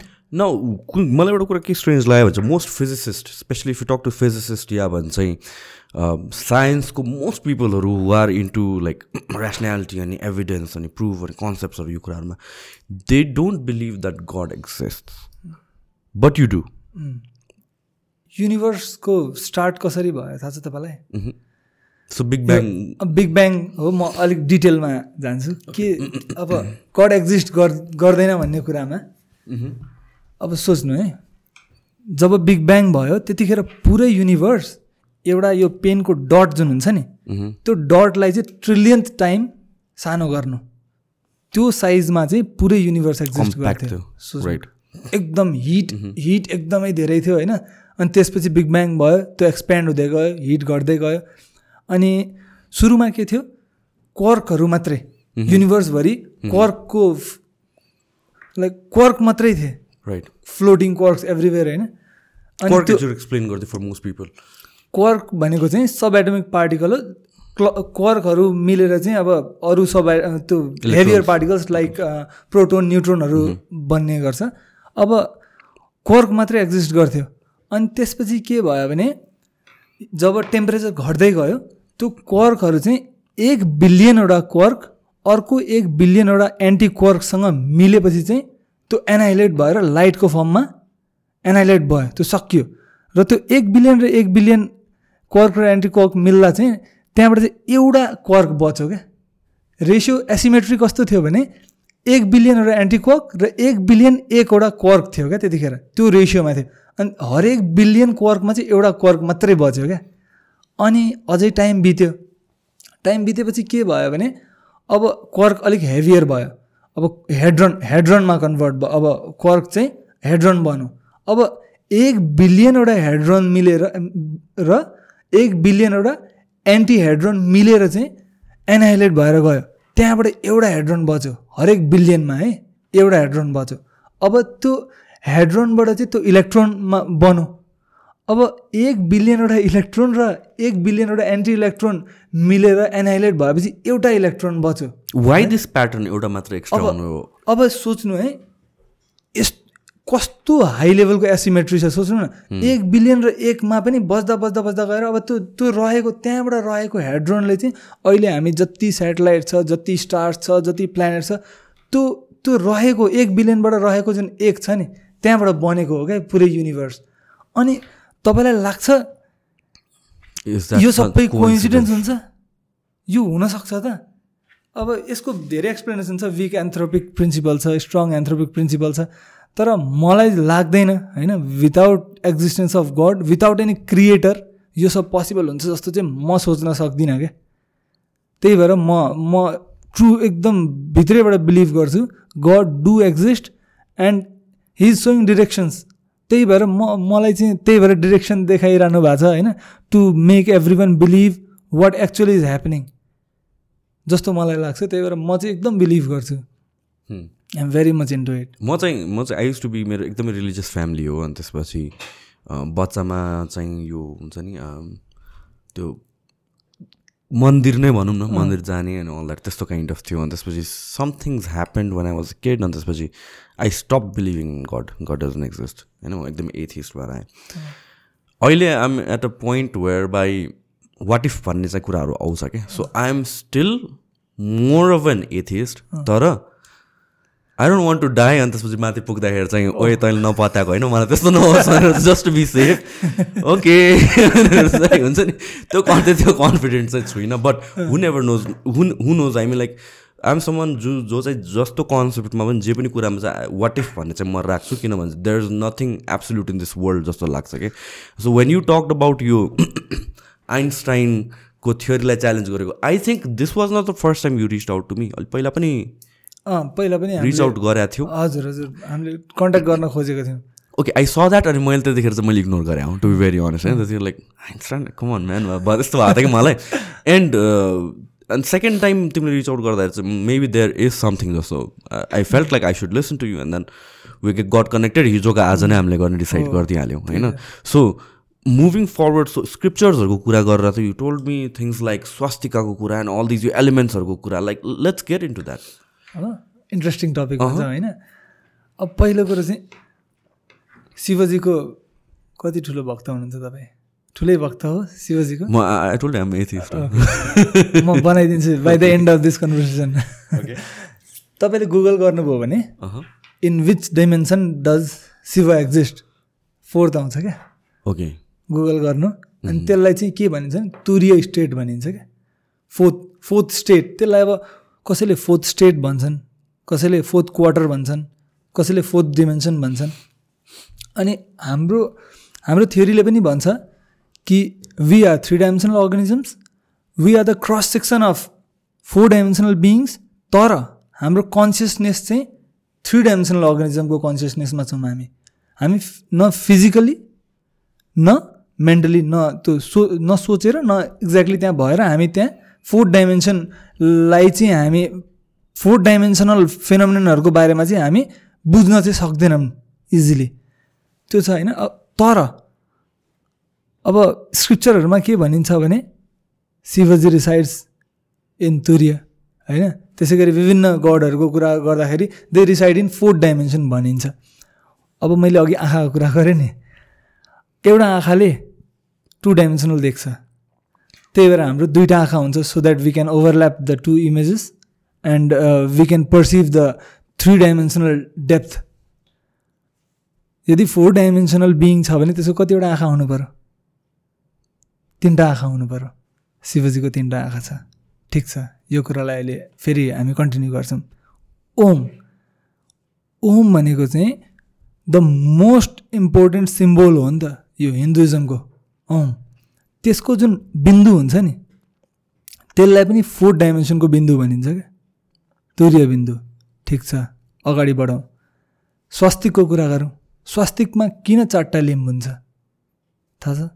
छैन। Four dimensions it exist it represents the four directions भन्छ क्या। त्यो फोर डिरेक्सन्स किनभने फोर डाइमेन्सन भन्दा अब पछि हाल्दैन कि भनेर पनि होला होइन? त्यसलाई चारवटा डिरेक्सन त्यसले देखाइरहेछ भन्छ। ठिक छ त्यसको पनि कन्सिडेन्स होला। अब किराँतहरूमा एउटा सिम्बोल हुन्छ सिलाम साकमा भन्ने। त्यसले पनि चारवटा डिरेक्सन देखाइरहेको हुन्छ। ठिक छ त्यो पनि नहोला त्यो पनि कोइन्सिडेन्स होला। अगाडि बढौँ बुद्धिज्ममा। बुद्धिज्मको कुरा गर्ने हो भने डबल दोर्जे भन्ने एउटा सिम्बोल छ क्या। धेरै इम्पोर्टेन्ट सिम्बोल हो। त्यसले पनि चारवटा डिरेक्सन देखाइरहेको हुन्छ। चलो भाइ त्यो पनि कोइन्सिडेन्स नै होला। अब तपाईँ यदि भविष्य पुराणमा जानुभयो भने त्यहाँ तपाईँले फोर मात्रै सर्च गर्नुभयो भने नि त्यहाँ more than five hundred time four भन्ने चिज रिपिट भएको छ क्या। Four life four words four directions त्यतिचोटि four repeat भएको छ। त्यो पनि कोइन्सिडेन्स होला। अब आउँ हामी मन्दुक्य उपनिषद अथर्ववेदतिर। अथर्ववेदको भर्स नम्बर टूमा त क्लियरली के भनेको छ भने सर्वहेत ब्रह्मायामात्मा ब्रह्म सोयमात्मा चतुष्पात। यो भनेको के हो भने यदि तपाईँले the essence of the universe the ultimate theory of the universe बुझ्नु छ भने तपाईँले चतुष्पात बुझ्नु पऱ्यो चतुष्पात भनेको त्यही अघिकै कुरा। Four quarter four direction four dimension योभन्दा बढी क्लियरली के कसरी भन्नु क्या यति सिग्नल आइरहेछ नि त हामीलाई। अझै पनि नबुझ्ने नबुझे जस्तो गरेर अगाडि बढ्ने त्यस्तो त्यो चाहिँ गर्नु भएन। एटलिस्ट के भन्न खोजिरहेछ त्यो डिरेक्सनमा पनि एकचोटि गएर हेरौँ त। हामीले त ग्राभिटी मात्रै एक्सप्लेन गर्न खोजेको थियौँ क्या हामीले फोर्थ डाइमेन्सन युज गरेर फोर्थ स्पेसल डाइमेन्सन युज गरेर ग्राभिटी मात्रै एक्सप्लेन गरेको गर्न खोजेको थियौँ। किनभने कुनै पनि फिजिक्स राम्रो होइन कुनै पनि साइन्स राम्रो हो भने जब तपाईँ एउटा डिरेक्सन रोजेर अनि त्यतै मात्रै जसरी पनि त्यहाँ एउटा बक्स छ त्यसमै अटाउनु छ थ्योरीलाई जस्तो गरेर गर्नु हुँदैन क्या। त्यो थ्योरीलाई बग्न दिनुपर्छ क्या। त्यसले कहाँ कहाँ लान्छ जान दिनु पऱ्यो अनि ग्राभिटी मात्रै एक्सप्लेन गर्दै थियौँ त्यसपछि जब हामीले अरू कुराहरू पनि एक्सप्लेन गर्नुपर्ने भयो सोच्नु जुन कुरा मैले छ वर्षमा ग्राभिटी मैले फर्मुलेट गरेँ मैले दुई वर्षमा ब्ल्याक होलको स्वार्चाइल रेडियस फर्मुलेट गरेको छु। मैले इजको एमसी स्क्वायरको भेरी इजी डेरिभेसन मैले फर्मुलेट गरेको छु। त्यसै गरी अब प्रिसिसन अफ पेरिलियन अफ मर्क्युरीको फर्मुला मैले फर्मुलेट गरिसकेको छु। अनि अगाडि बढ्ने हो भने अब डिसपियरिङ अफ स्टार्सको बारेमा हामीले आफ्नै थ्योरीको कन्सेप्टको हिसाबले एक्सप्लेन गरिसकेका छौँ भनेपछि हामीले त सही डिरेक्सन रोजेको रहेछौँ नि त। नभए त त्यसले सबै कुरा त एक्सप्लेन गर्न सक्दैन थियो नि त। त्यो हिसाबले अब अगाडि बढिँदैछ। सो रि यो रिलिजन टेक्स्टहरूको कुरा या रिलिजन जुन बुक्सहरू स्टोरिजहरू छ महाभारत भनौँ या रामायण भनौँ यो कुराहरू how do you take it as are these stories out of imagination and creativity or do you take it as history भन्नु मिल्दैन यो। यो यसको एन्सर दिनै हुँदैन। इट्स भेरी रिस्की म पनि एउटा हिन्दू फ्यामिलीबाट बिलङ गरेको भए चाहिँ म एन्सर दिन्थेँ होइन। म कुनै दिन दिव्यसँग आउँदा यो कुराको एन्सर दिएन I don't want to create any kind of controversy okay okay so तर के हो भने भगवत गीता चाहिँ the eye eye of the the whole story हो क्या। आई मलाई लाग्छ कि त्यो पुरै सेटअप चाहिँ यो दुनियाँलाई भगवत गीता दिनलाई गरिएको हो जस्तो लाग्छ क्या। यो भगवत गीताको सिग्निफिकेन्स अब नभए त भगवत गीता यो चाहिँ अब तिमीहरूको लाइफ चेन्ज गरिदिन्छ भनेर मात्रै दिएको भए त। तर भगवत गीता त एज अ होल भनेको कृष्णले जे जे भनिरहेको छ त्यही कुराहरू अब सोच्नु कति लामो स्टोरी लाइन छ नि त। कति होइन होइन भगवत गीताको कुरा गरेको होइन भगवत गीता जहाँबाट हो। आयो होइन। त्यसको background त्यसपछि आएर ब्याकग्राउन्ड। स्टोरीबाट आएर आएर आएर आएर लास्टमा त्यहाँ वारमा पुग्छ। मह्म। वारमा पुगेपछि अब हेर्नु एउटा प्र्याक्टिकल छैन नि त एउटा वार चलिरहेछ अनि एउटा बुकै लेख्ने गरी कन्भर्सेसन त ऊ भएको सोच्नु भनेको त अलिक होइन? तर मलाई लाग्छ कि भगवत गीता चाहिँ लाइफ तिमीहरूको लाइफ सुधार। र त्यो सुधार्ने योभन्दा राम्रो उपाय छैन है भनेर चाहिँ ह्यान्डओभर गरिदिएको हो क्या। अब त्यसको सिग्निफिकेन्स बुझाउनलाई चाहिँ अरू कुराहरू भनिएको स्टोरी बनाइयो भनौँ ल। स्टोर बनाइएको नभनौँ त्यो त्यही भएर भयो होला। ओके ओके सो सो यो भगवत गीता चाहिँ रेफरेन्समा यो ल्याउने चाहिँ कसले हो त त्यसो भए? आयो कहाँबाट कन्सेप्चुलाइजेसनमा अब त्यो चाहिँ भनिहाल्न सकिँदैन। त्यो मलाई चाहिँ के लाग्छ भने यो जति गडहरू छन् सबै फोर डाइमेन्सनल कन्सियसनेस भएका अर्गानिजमहरू भनौँ अथवा के भनौँ क्रिएचर भनौँ क्या फोर डाइमेन्सनल कन्सियसनेस भएको। अब तपाईँले मेडिटेसन गर्दाखेरि हायर लेभल अफ कन्सियसनेसमा पुग्न सकिन्छ। फिजिकली त पुग्न सकिँदैन नि त। अनि मेडिटेसन गर्दा हायर लेभल अफ कन्सियसनेस होइन हायर डाइमेन्सनमा पुग्न सकिन्छ भन्ने भन्नु। अब विडको कुरा गरौँ न। म ठ्याक्क त्यहीँ नै पुग्नु यो भन्ने बित्तिकै हायर डाइमेन्सन भन्ने बित्तिकै आइहाल्छ यो क्वेसन होइन। अब जस्तो अब हाई भइन्छ। भनिन्छ नि त। विड इन्टेक गर्नेहरू हाई हुन्छन्। Any any form of psychedelics भनौँ न। अँ अब हाई हुनु भनेको के हो त? Are you travelling in fourth dimension are you travelling in higher dimensions कता कता हुनसक्छ जस्तो चाहिँ किन लाग्छ भने तपाईँले हेर्नु भएको छ they become slow. Very slow okay we we have Right. We have circles होइन साथीहरू हुन्छन् नि we see them they become slow क्या अनि फोर्थ डाइमेन्सनमा ट्राभल गर्दा everything goes slow no I understand getting ठिक छ अब यो के हो भने मैले के भन्न खोजेको हो भने हायर डाइमेन्सन एक्जिस्ट गर्छ र मलाई लाग्छ मेरो पोइन्ट अफ भ्यू के छ भने जति गडहरूको कुरा हुन्छ they have consciousness of higher dimension मलाई कतिवटा क्वेसनहरू आइरहेछ अब किन अहिले जस्तो तपाईँलाई भनिन्छ नि हामीलाई कि गड इज एभ्रिवेयर यहाँ पनि यहाँ पनि यहाँ पनि यहाँ पनि। त्यो कसरी पोसिबल हुनसक्छ? तब मात्रै पोसिबल हुनसक्छ जब God resides in higher dimension किनभने यदि तपाईँ थ्री डाइमेन्सनल बडी हुनुहुन्छ भने तपाईँ टु डाइमेन्सनल युनिभर्सलाई चाहिँ एकैचोटिमा हेर्न सक्नुहुन्छ क्या. लाइक एउटा स्क्वायर खालको घर छ भने तपाईँ त घरको भित्र पनि हेर्न सक्नुहुन्छ नि त कोठाभित्र पनि हेर्न सक्नुहुन्छ नि त। त्यही भएर if God exist in fourth dimension he can watch everything that is happening in three dimension in one glance क्या त्यहाँबाट पनि कनेक्ट गर्न सकिन्छ यो कुरालाई। सो मलाई कपाल अफ क्वेसन्सहरू आयो कि उम्, भन्नु जस्तो कि when we talk about God है will will for the audience अहिले एकछिनमा फिजिक्समा फेरि फर्किन्छ हामीहरू but when we we talk about God so गडको एक्जिस्टेन्सहरूको कुरा गर्छौँ।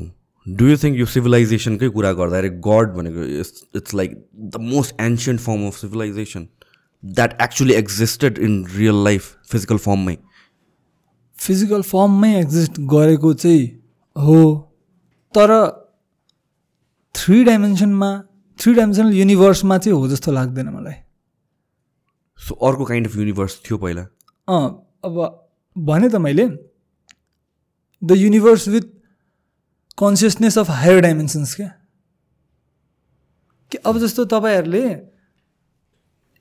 यो पेपर यदि टु डाइमेन्सनल हो भने फेरि यो पेनकै कुरा गरौँ न यो पेन यहाँ यहाँबाट पियर्स गरेर यहाँ तलबाट निस्केर गयो भने यो टु डाइमेन्सनल युनिभर्समा के देखिन्छ सडनली एउटा सर्कल अपियर भयो अनि at after some time circle disappear भयो अब रिलिजियस टेक्स्चरहरूकै कुरा गर्दा पनि गडहरूको कुरा आउँछ नि त they appeared out of nowhere and they disappeared in nowhere भन्ने हुन्छ नि त.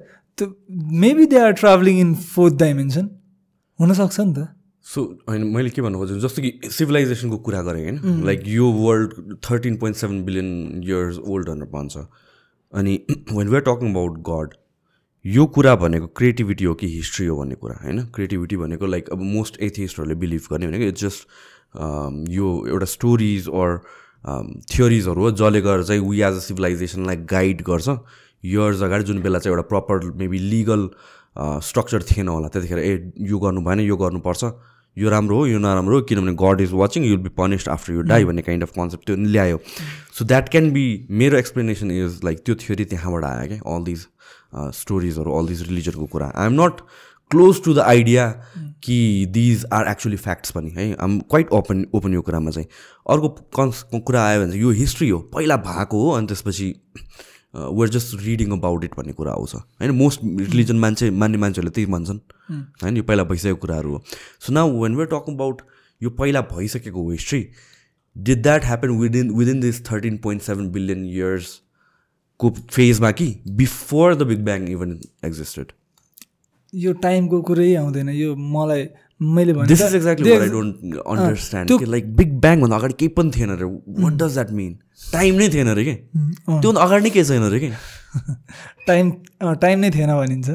द्याट टु मी भने लाइक कहिले काहीँ म बसेर सोच्छु like what does that mean भनेर म आधा घन्टा यतिकै टोलाएर बसिदिन्छु यही सोचेर कि? तपाईँलाई यदि आफूलाई होइन आफूलाई यदि यदि स्टेबल राख्नु छ भने दिमागलाई के बुझ्नु भने इट्स अ साइकल साइकल हो क्या यो? यो जसरी एन्ड यो पनि मैले फेरि सुनेको थिएँ। लाइक बिग ब्याङ्सहरू मल्टिपल टाइम्स अकर भएको छ। This is just one of them यही हो साइकल भन्नु खोज तिमीले? होइन म बिग ब्याङ मल्टिपल टाइम भएको भन्ने थ्योरीहरू कता कता एक्जिस्ट गर्छन् होइन? तर के हो भने बिग ब्याङ चाहिँ के भनिन्छ भने नि एउटा थ्योरी के छ भने बिग ब्याङ भयो universe is expanding universe is expanding expanding अब यो एक्सपेन्सन रेट एक टाइममा घट्दै घट्दै घट्दै घट्दै जान्छ। एक्सपेन्सन घट्छ।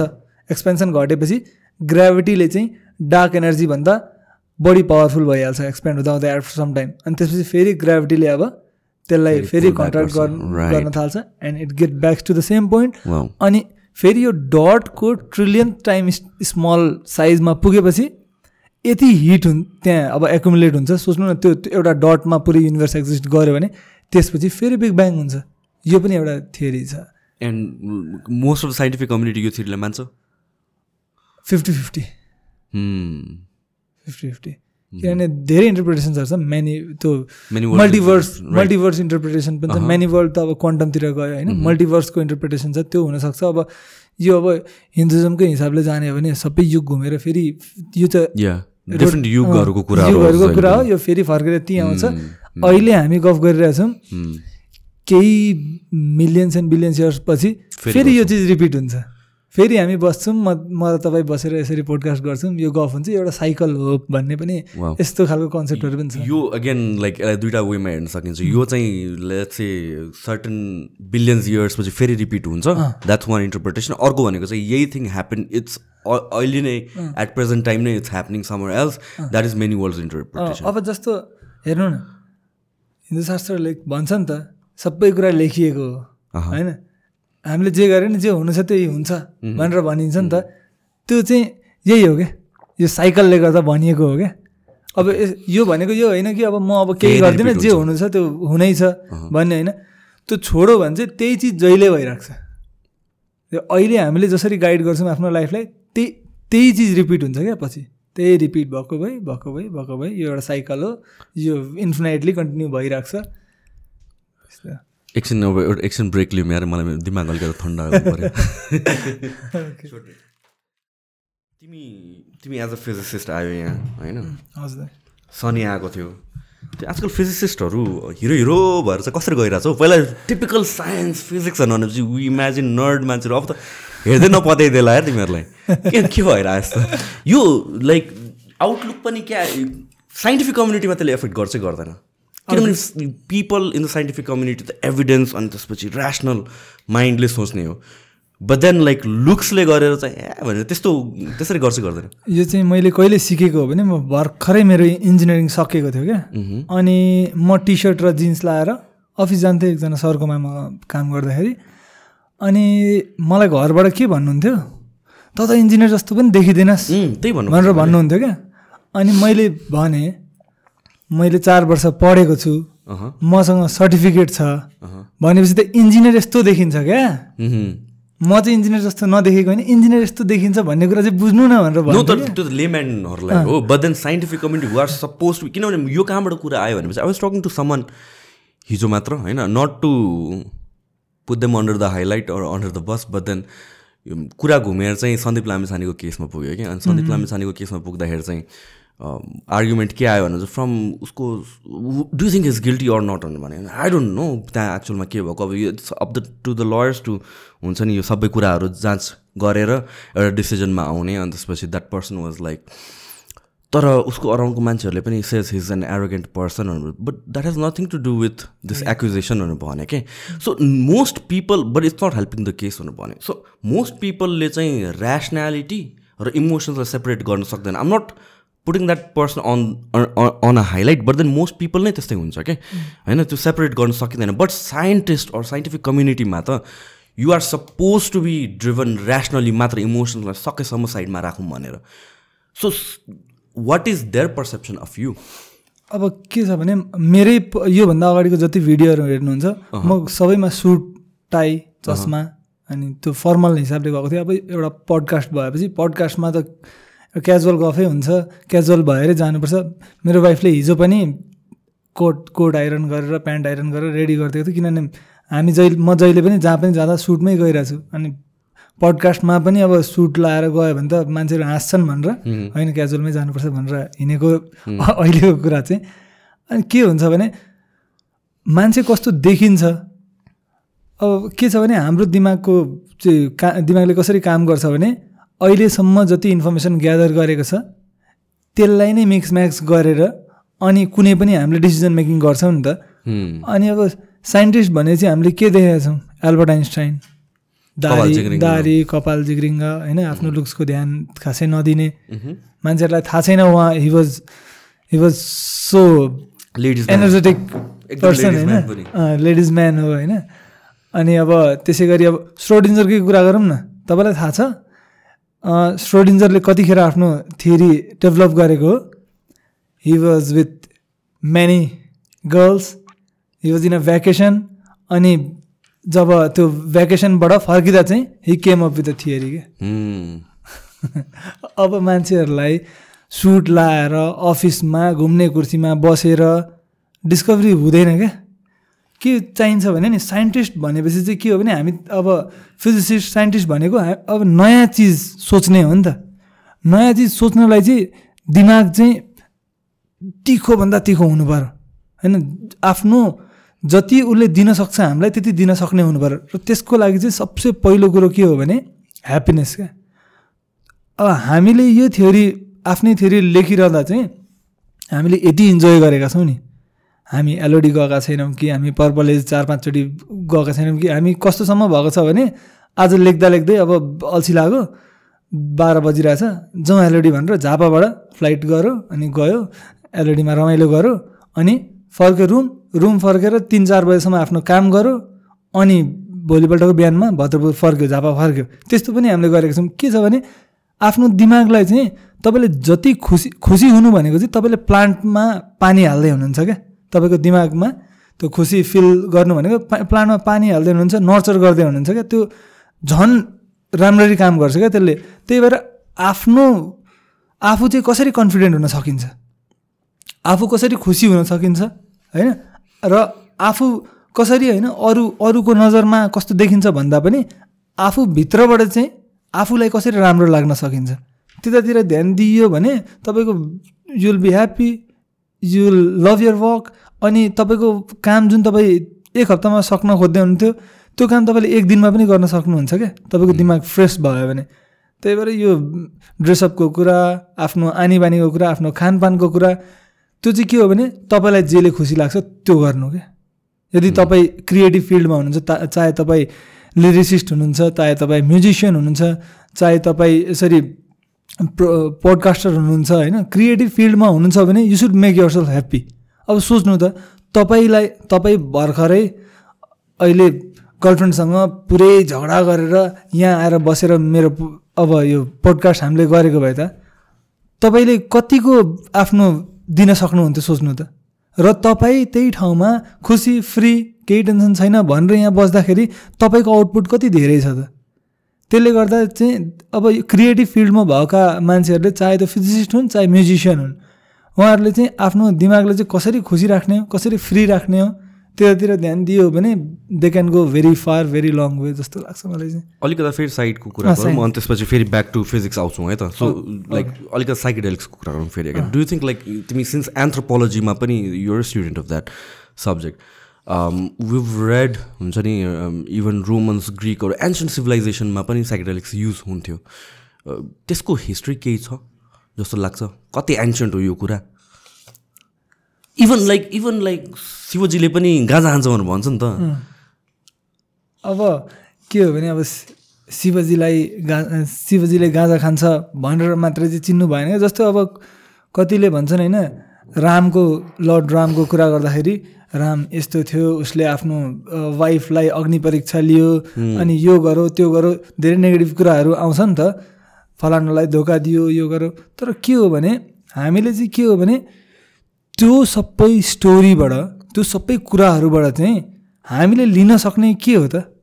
त्यतातिर जानु पऱ्यो क्या। अब म अलिकति बाहिर आएँ होइन। जस्तो अब अब लर्ड रामले चाहिँ आफ्नो लाइफमा होइन राजा हुनुहुन्थ्यो नि त। उहाँले आफ्नो प्रजाको लागि कति ठुलो ठुलो सेक्रिफाइसहरू गर्नुभयो होइन? त्यो कुरालाई एड्रेस गर्नु पऱ्यो होइन? उहाँले आफ्नो वाइफ लङ्का लगिसक्दा पनि उहाँ लड्नुभयो जानुभयो फिर्ता ल्याउनु भयो होइन? त्यो त एउटा इन्सपिरेसन हो नि त। त्यो कुरालाई एड्रेस गर्नु पऱ्यो क्या।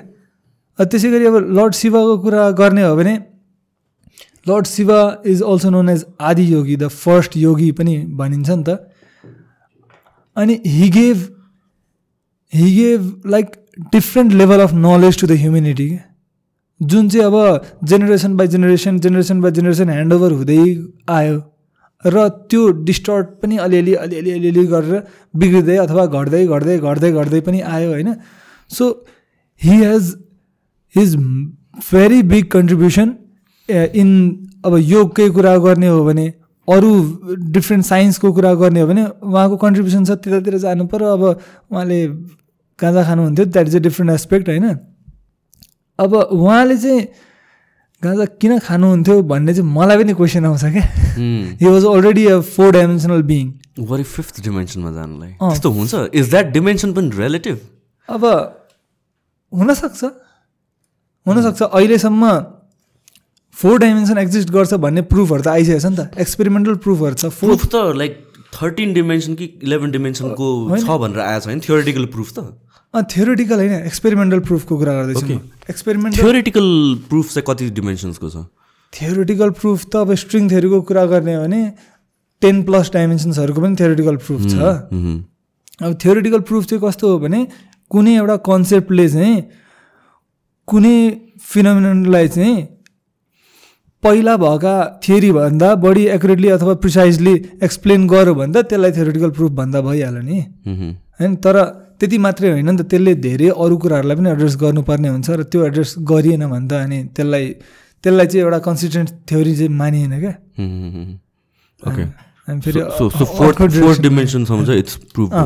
फोर्थ डिमेन्सन त प्रोभन नै छ।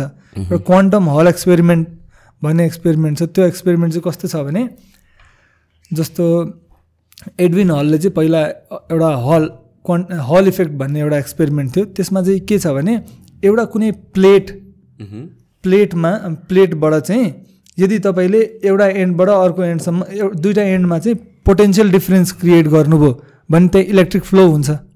अब जब त्यहाँ इलेक्ट्रिक फ्लो हुन्छ त्यो इलेक्ट्रिक फ्लोले चाहिँ के गर्छ भने त्यहाँ भएका नेगेटिभ चार्जहरूलाई एक साइडमा र त्यो त्यो गएर त्यो एउटा लाइक अर्को दुई साइडमा जस्तो एक साइडबाट एकतिरबाट इलेक्ट्रिक फ्लो भयो भने अर्को डिरेक्सनमा त्यसको पर्पेन्डिकुलर डिरेक्सनमा चाहिँ अझै पोटेन्सियल डिफ्रेन्स क्रिएट गर्छ क्या।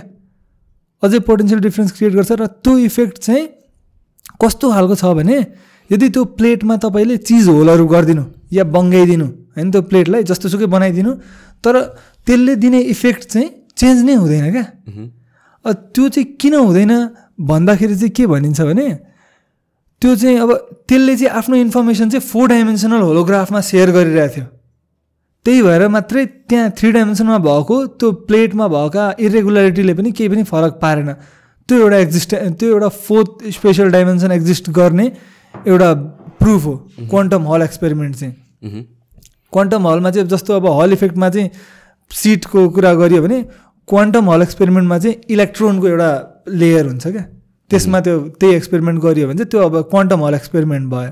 त्यसले चाहिँ फोर्थ स्पेसल डाइमेन्सन एक्जिस्ट गर्छ भनेर प्रुभ गरिसकेको छ र त्यो प्रुभ गरे बापत he has even receive the Nobel prize for that अनि फोर्थ स्पेसल डाइमेन्सन एक्जिस्ट गर्दैन भन्ने कुरा त गर्ने कुरै आएन नि त।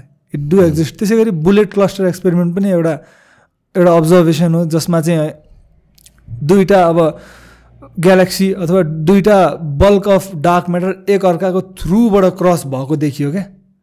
थ्रु केही चिज एउटा अर्कोको थ्रुबाट क्रस हुनु भनेको त त्यो त अर्को डाइमेन्सनमा क्रस भएको जस्तो बुझियो नि त। त्यहाँबाट पनि फोर्थ स्पेसल डाइमेन्सन एक्जिस्ट गर्छ भन्ने त्यो पनि एउटा प्रुफ हो क्या? फोर्थ स्पेसल डाइमेन्सन एक्जिस्ट गर्ने त्यसलाई कन्सेप्चुलाइज हामीले लाइक सोच्न सक्छौँ इमेजिन गर्न सक्छौँ। फोर्थ डाइमेन्सनलाई फोर्थ त्यसलाई लाइक थट थट एक्सपेरिमेन्ट कसरी गर्ने कि? अहिलेसम्म मलाई के भइरहेछ भने फोर्थ डिमेन्सन एक्जिस्ट तिमीले मलाई कन्भिन्स गरायो रे। आई एम कन्भिन्स रे। तर it it is like trigonometry जस्तो भयो कि जुन हामीले थियोटिकली बुझ्छ त्यसको प्र्याक्टिकल इम्प्लिकेसन बुझ्या हुँदैन। प्र्याक्टिकल इम्प्लिकेसनमा कसरी हाउ क्यान इमेजिन फोर्थ मैले भने त त्यसको लागि चाहिँ हामीले आफ्नो युनिभर्सलाई चाहिँ टु डाइमेन्सनल युनिभर्स मान्नु पऱ्यो ठिक छ? हाम्रो आफूलाई चाहिँ टु डाइमेन्सनल मान्नु पऱ्यो आफ्नो एउटा डाइमेन्सन चाहिँ हटाउनु पऱ्यो पहिला। बुझ्नुभयो? हाइट हटाइदिनु सोच्नु कि सबै थोक फ्ल्याट छ पुरै युनिभर्सै फ्ल्याट छ। तपाईँको अर्थ पनि फ्ल्याट सर्कल छ। तपाईँ पनि फ्ल्याट हुनुहुन्छ। हाइट भन्ने केही चिज पनि छैन भने के भनियो भने त्यो जुन फ्ल्याट चिज छ त्यो चाहिँ एउटा एउटा त्योभन्दा हायर डाइमेन्सनल बडीको क्रस सेक्सन हो। ठिक छ? भनेपछि त्यहाँ सर्कल छ भने अर्को डाइमेन्सनमा त्यो एउटा सिलिन्डर हो। सिलिन्डर हो त्यो टु डाइमेन्सनबाट पास भइरहेछ नि त। ठिक छ? अब त्यसरी चाहिँ हामीले चाहिँ आफूलाई टु डाइमेन्सनल मा नमानुन्जेल चाहिँ हामीले फोर्थ डाइमेन्सन चाहिँ पर्सिभ गर्न अथवा एक्सप्लेन गर्न सक्दैनौँ। अनि आफूलाई टु डाइमेन्सनल मानेपछि चाहिँ फोर्थ डाइमेन्सनको जुन प्रोसेसहरू छ त्यसलाई चाहिँ थर्ड डाइमेन्सनको प्रोसेस मानेर चाहिँ हामीले त्यसलाई चाहिँ बुझ्न चाहिँ सक्छौँ क्या। त्यसरी चाहिँ बुझ्न सकिन्छ। ओके सो तिमीहरूको प्रपोज थियोरीले च्यालेन्ज गर्ने के हो? Let's get into that exactly नै ओके द एन्सियन्ट थियोरी सुरुदेखि एकदम। अब हाम्रो थियोरी बुझ्नलाई चाहिँ पहिला अब केलाई चाहिँ च्यालेन्ज गरेको छ? आइन्स्टाइनको थियोरीलाई म छोटोमै एड्रेस गर्छु। के छ भने gravity Einstein Einstein's theory of general रिलेटिभिटीको कुरा गरौँ। त्यसले ग्राभिटी के हो भनेर एक्सप्लेन गर्छ भने त्यो थ्योरीले काहीँ पनि कुनै मास छ एक्जिस्ट गर्छ अथवा एनर्जी एक्जिस्ट गर्छ भने के हुन्छ भने त्यसको वरिपरिका स्पेस चाहिँ डिस्टर्ट हुन्छ। बेन्ड हुन्छ बेन्ड हुन्छ। यो थ्री डाइमेन्सन सोचेर हेऱ्यो भने त्यसलाई फ्ल्याट मान्यो भने चाहिँ कर्वेचर हुन्छ भनिन्छ। स्पेस टाइम फेब्रिकमा चाहिँ कर्वेचर हुन्छ भनिन्छ। तर अब थ्री डाइमेन्सनल नै मान भएर सोच्यो भने चाहिँ के छ भने यो कप यदि यहाँ छ भने यसको वरिपरिको स्पेस चाहिँ श्रिङ्क भइरहेछ यसको भित्रतिर गइरहेछ कन्टिन्युसली र यदि स्पेस नै खुम्चियो भने यो पेन यहाँ छ र यो दुइटा बिचको स्पेस खुम्चियो भने यो पेन त बिस्तारै यता मुभ हुने भयो। राइट त्यसले गर्दाखेरि चाहिँ यो ग्राभिटेसनल एट्र्याक्सन भइरहेछ भन्ने भनियो। तर यसको प्रब्लम के छ भने अब यदि यो स्पेस खुम्चिरहेछ भने त यो कप त विथ टाइम सानो भयो हुँदै गएको देख्नु पऱ्यो नि त हामीले। र त्यो कुरालाई चाहिँ के भन्नुभएको छ भने उहाँले यसको इन्टरनल एनर्जीले गर्दा यो कन्टिन्युसली एक्सप्यान्ड पनि भइरहेछ। अब त्यो एक्सपेन्सनले चाहिँ यो स्पेस डिस्टर्सनलाई चाहिँ काउन्टर ब्यालेन्स गरिरहेछ। यो भनेको आइन्स्टाइन्स थ्योरी अफ जेनरल रिलेटिभिटीको ग्राभिटीको कुरा भयो।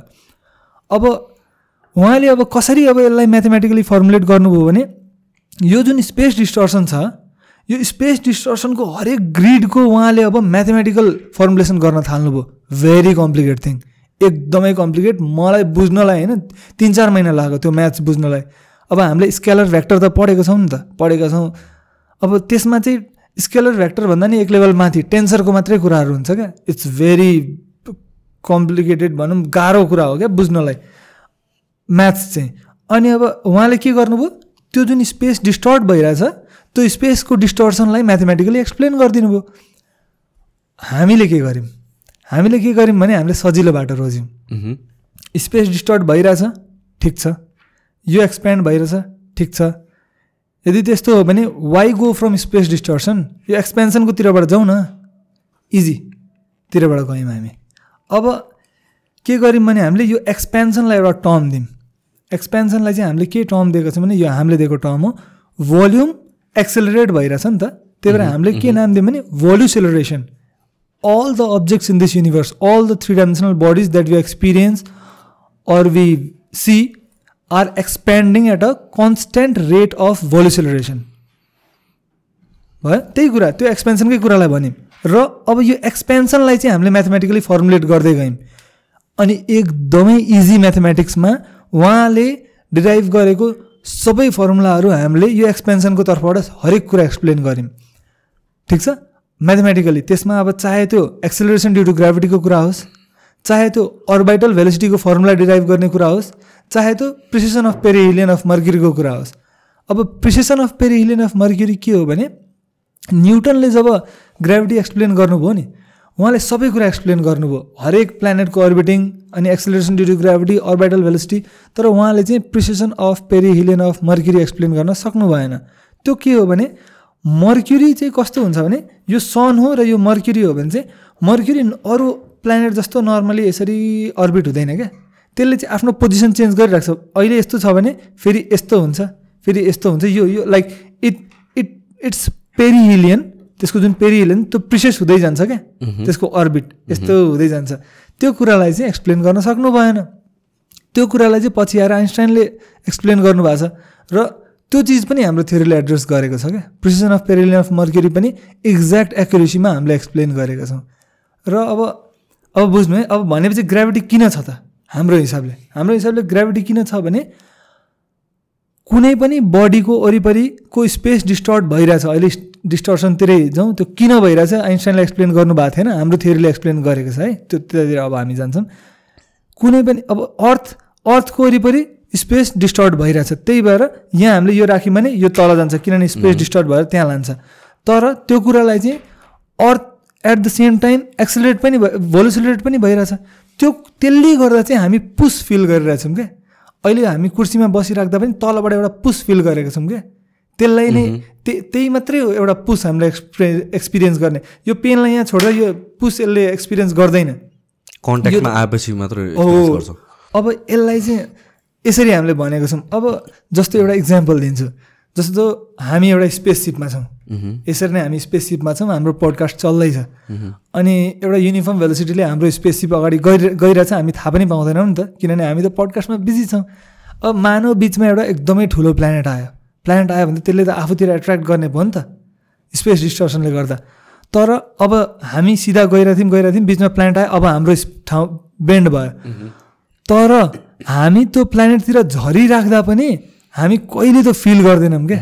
किन फिल गर्दैनौँ भने स्पेसले फोर्स अप्लाई गर्दैन। स्पेस डिस्टर्सनले त्यसको बाटो मात्रै बङ्गाइदिँदैछ जबसम्म हाम्रो स्पेससिप चाहिँ त्यो सेलेस्टियल बडीसँग गएर ठोकिँदैन तबसम्म हामीले फोर्स एक्सपिरियन्स नै गर्दैनौँ। त्यही भएर all the forces that we experience are all due to voluceleration and nothing भोलिसुलरेसनले गर्दा मात्रै हामीले यो फोर्स फिल गरिरहेछौँ। भन्ने कुरा अब हामीले बुझ्नु पऱ्यो क्या। त्यो हो हाम्रो कुरा। अब कसरी त?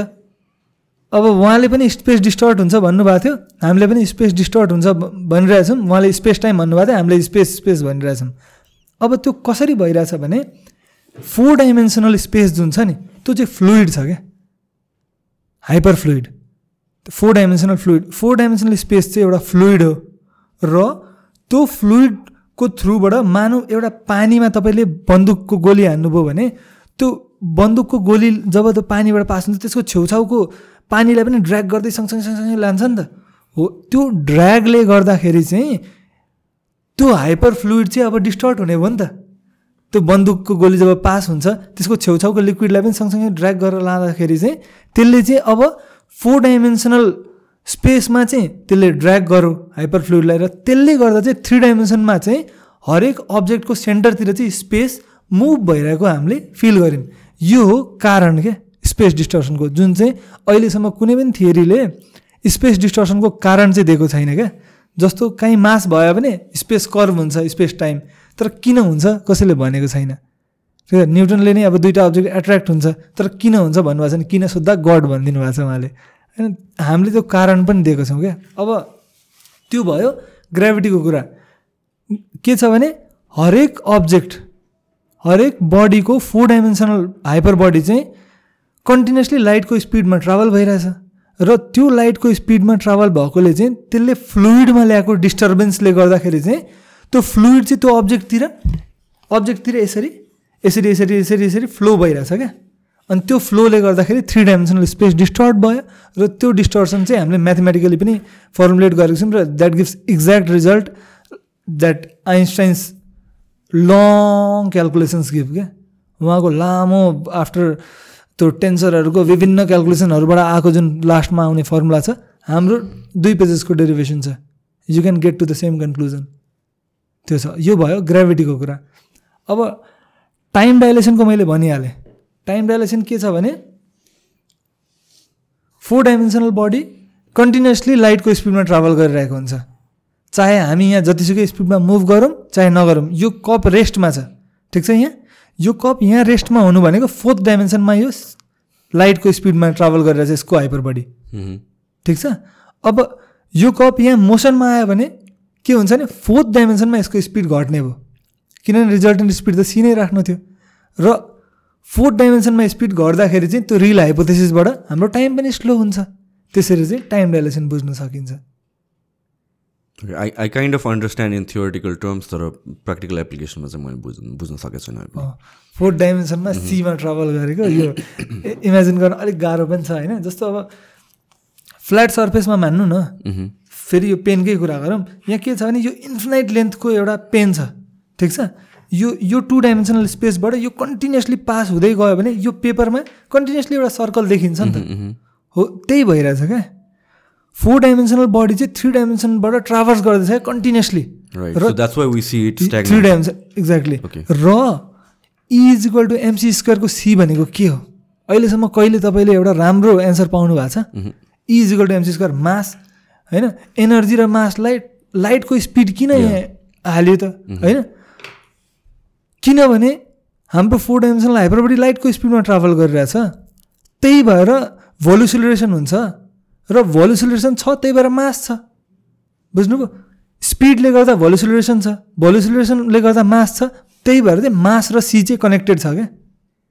हामीले यहाँ लिङ्क पनि गरिरहेछौँ जसको एन्सर धेरैजनाले खोजिरहनु भएको छ क्या। What is C in is equal to MC square भन्ने क्वेसन आउँछ नि त।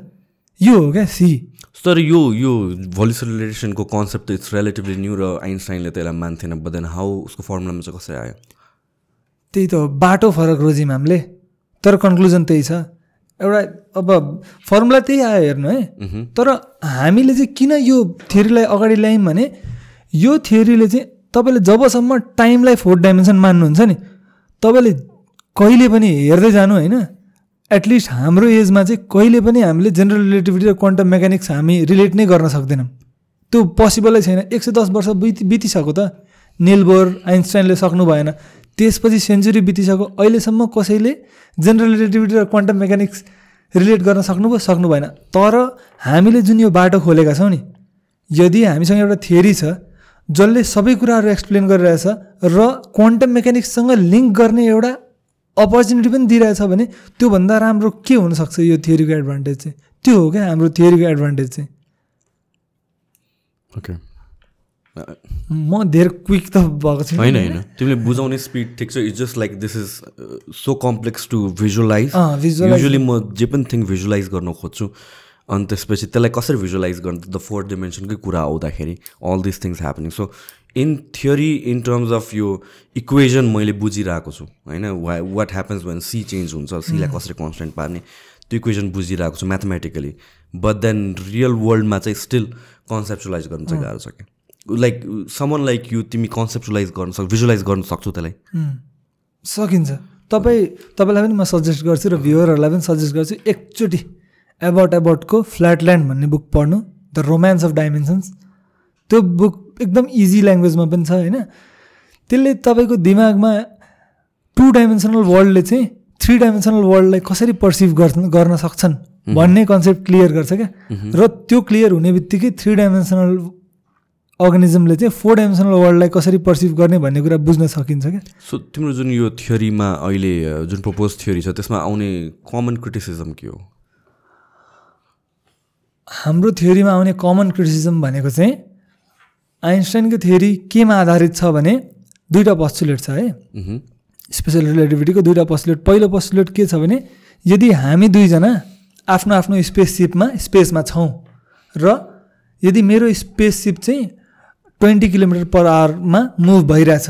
तपाईँले देख्नुभयो भने। तपाईँ यो भन्न सक्नुहुन्न कि तपाईँको स्पेससिप मुभ भइरहेछ कि मेरो स्पेससिप मुभ भइरहेछ? वी क्यानट ठिक छ? त्यो भन्नै सकिएन।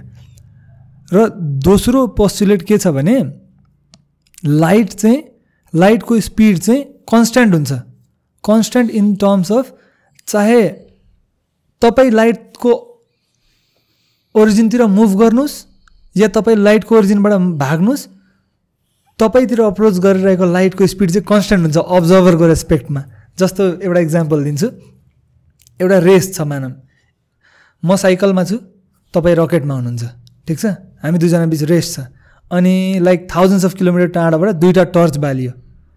अनि म साइकलमा अप्रोच गर्छु त्यो टर्च टर्चलाई तपाईँ रकेटमा अप्रोच गर्नुहुन्छ। भने हाम्रो कमन बुझाइले तपाईँले नै पहिला लाइटलाई भेट्नुहुन्छ भन्ने बुझिन्छ नि त हो? तर यो कुरा गलत छ भन्छ क्या। यो स्पेसल रिलेटिभले स्पेसल रिलेटिभले के भन्छ भने यदि तपाईँ close to speed of light पनि त्यो लाइटको ओरिजिनलाई अप्रोच गर्नुभयो भने तपाईँले र मैले भेट्ने लाइट चाहिँ सँगै हो भन्छ क्या। त्यति हो। त्यति हो मलाई नपचेको र हामीले चाहिँ के गरेका छौँ भने अनि for for so many years चाहिँ लाइक दे मानेर बस्यो? यो थियोरीलाई यसको पछाडि पनि एकदमै ठुलो पोलिटिक्स छ दाइ। के छ भने एउटा माइकलसन मर्ली एक्सपेरिमेन्ट छ क्या।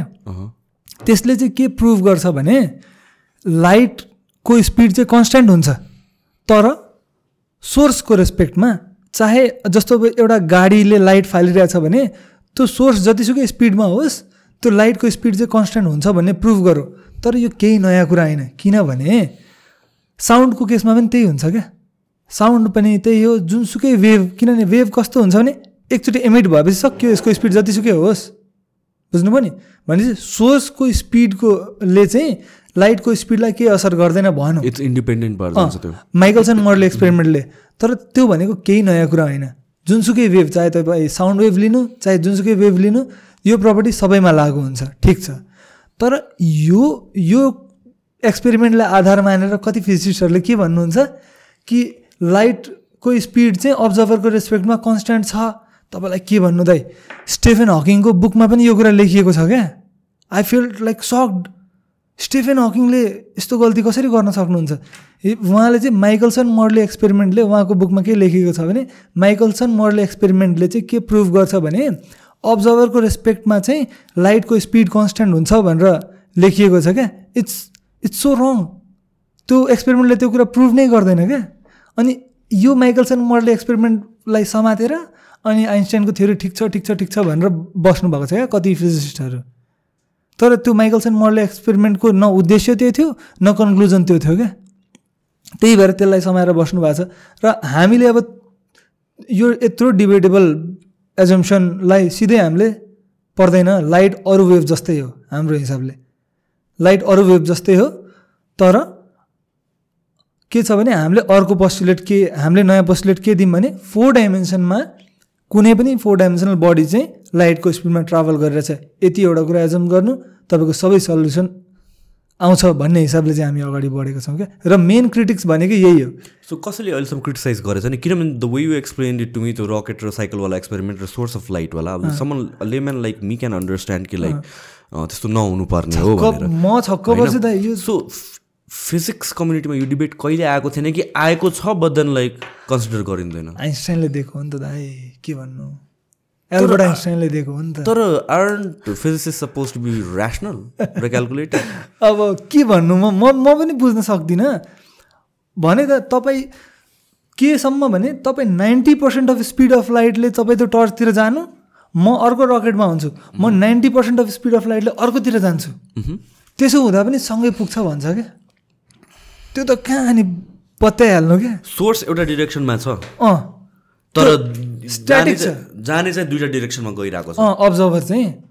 अनि त्यसपछि opposite direction to the source जाँदाखेरि पनि त्यही स्पिडमा कस्तो खालको एजम्सन हो? अनि के भनिन्छ यो? No this is ridiculous to me to actually believe कि यसको अहिलेसम्म क्रिटिसिजम छैन क्रिटिसिजम क्रिटिसिजम नहोस् भनेर के भनिन्छ? It is non intuitive but you guys got to believe until you have a next theory which can explain all the aspects that I stand explained मैले कोरामा एउटा एन्सर दिएको थिएँ कि यही कुराको चाहिँ। मलाई यति गाली गऱ्यो कतिले।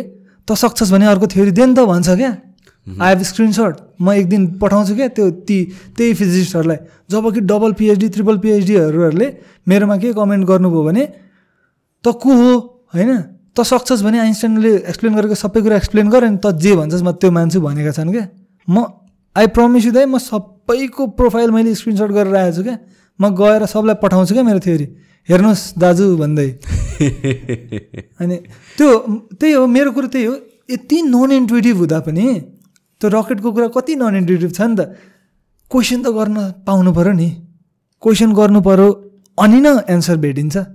क्वेसनै नगर्ने भगवान् मानिदिने अनि कहाँ एन्सर भेटिन्छ त. बट आइन्स्टाइन अब यस्तो होइन मैले आइन्स्टाइनको थ्योरीलाई क्रिटिसाइज अथवा आइन्स्टाइनलाई क्रिटिसाइज गरेको होइन मेरो लागि त भगवानै हो। उहाँले यति धेर फर्मुलेसन नदिएको भए मैले त अर्को बाटो मात्रै नखोजेको हो। मैले अर्को बाटो खोजेर त्यही त्यही कन्क्लुजनमा चाहिँ इजी तरिकाबाट पुग्न सकिन्छ भनेर बाटो मात्रै त मैले खोजेको हो होइन।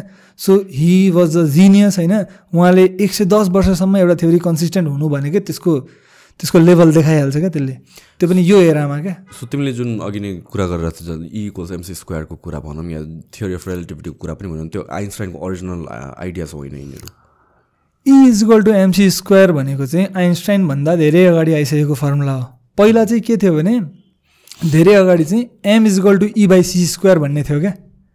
त्यसलाई नि सी स्क्वायरलाई यता त लगिएको हो। अनि प अब हेनरी पोइन्केयर जस्ता फिजिसिस्टहरू हुनुहुन्छ उहाँहरूले चाहिँ E is equal to MC square नै पनि दिनुभयो। कति formula E is equal to three by four MC square भन्ने कतिले प्रपोज गर्नुभएको छ कतिले E is equal to MC square नै प्रपोज गर्नुभएको छ। तर उहाँहरूले रिलेट गर्न सक्नु भएन क्या। इजिकल टु एमसी स्क्वायर के हो भन्ने कुरा चाहिँ उहाँहरूले भनिदिन सक्नु भएन क्या। त्यो त्यो हो क्या सबसे ठुलो एचिभमेन्ट भनेको। जस्तै अब त्यही फर्मुला अर्को डिरेक्सनमा जाँदा कति फरक पर्छ भन्ने म तपाईँलाई एउटा स्टोरी सुनाउँछु। आइन्स्टाइनकै स्टोरी हो। मैले उहाँकै अटोबायोग्राफी पढ्दाखेरि थाहा पाएको कुरा हो।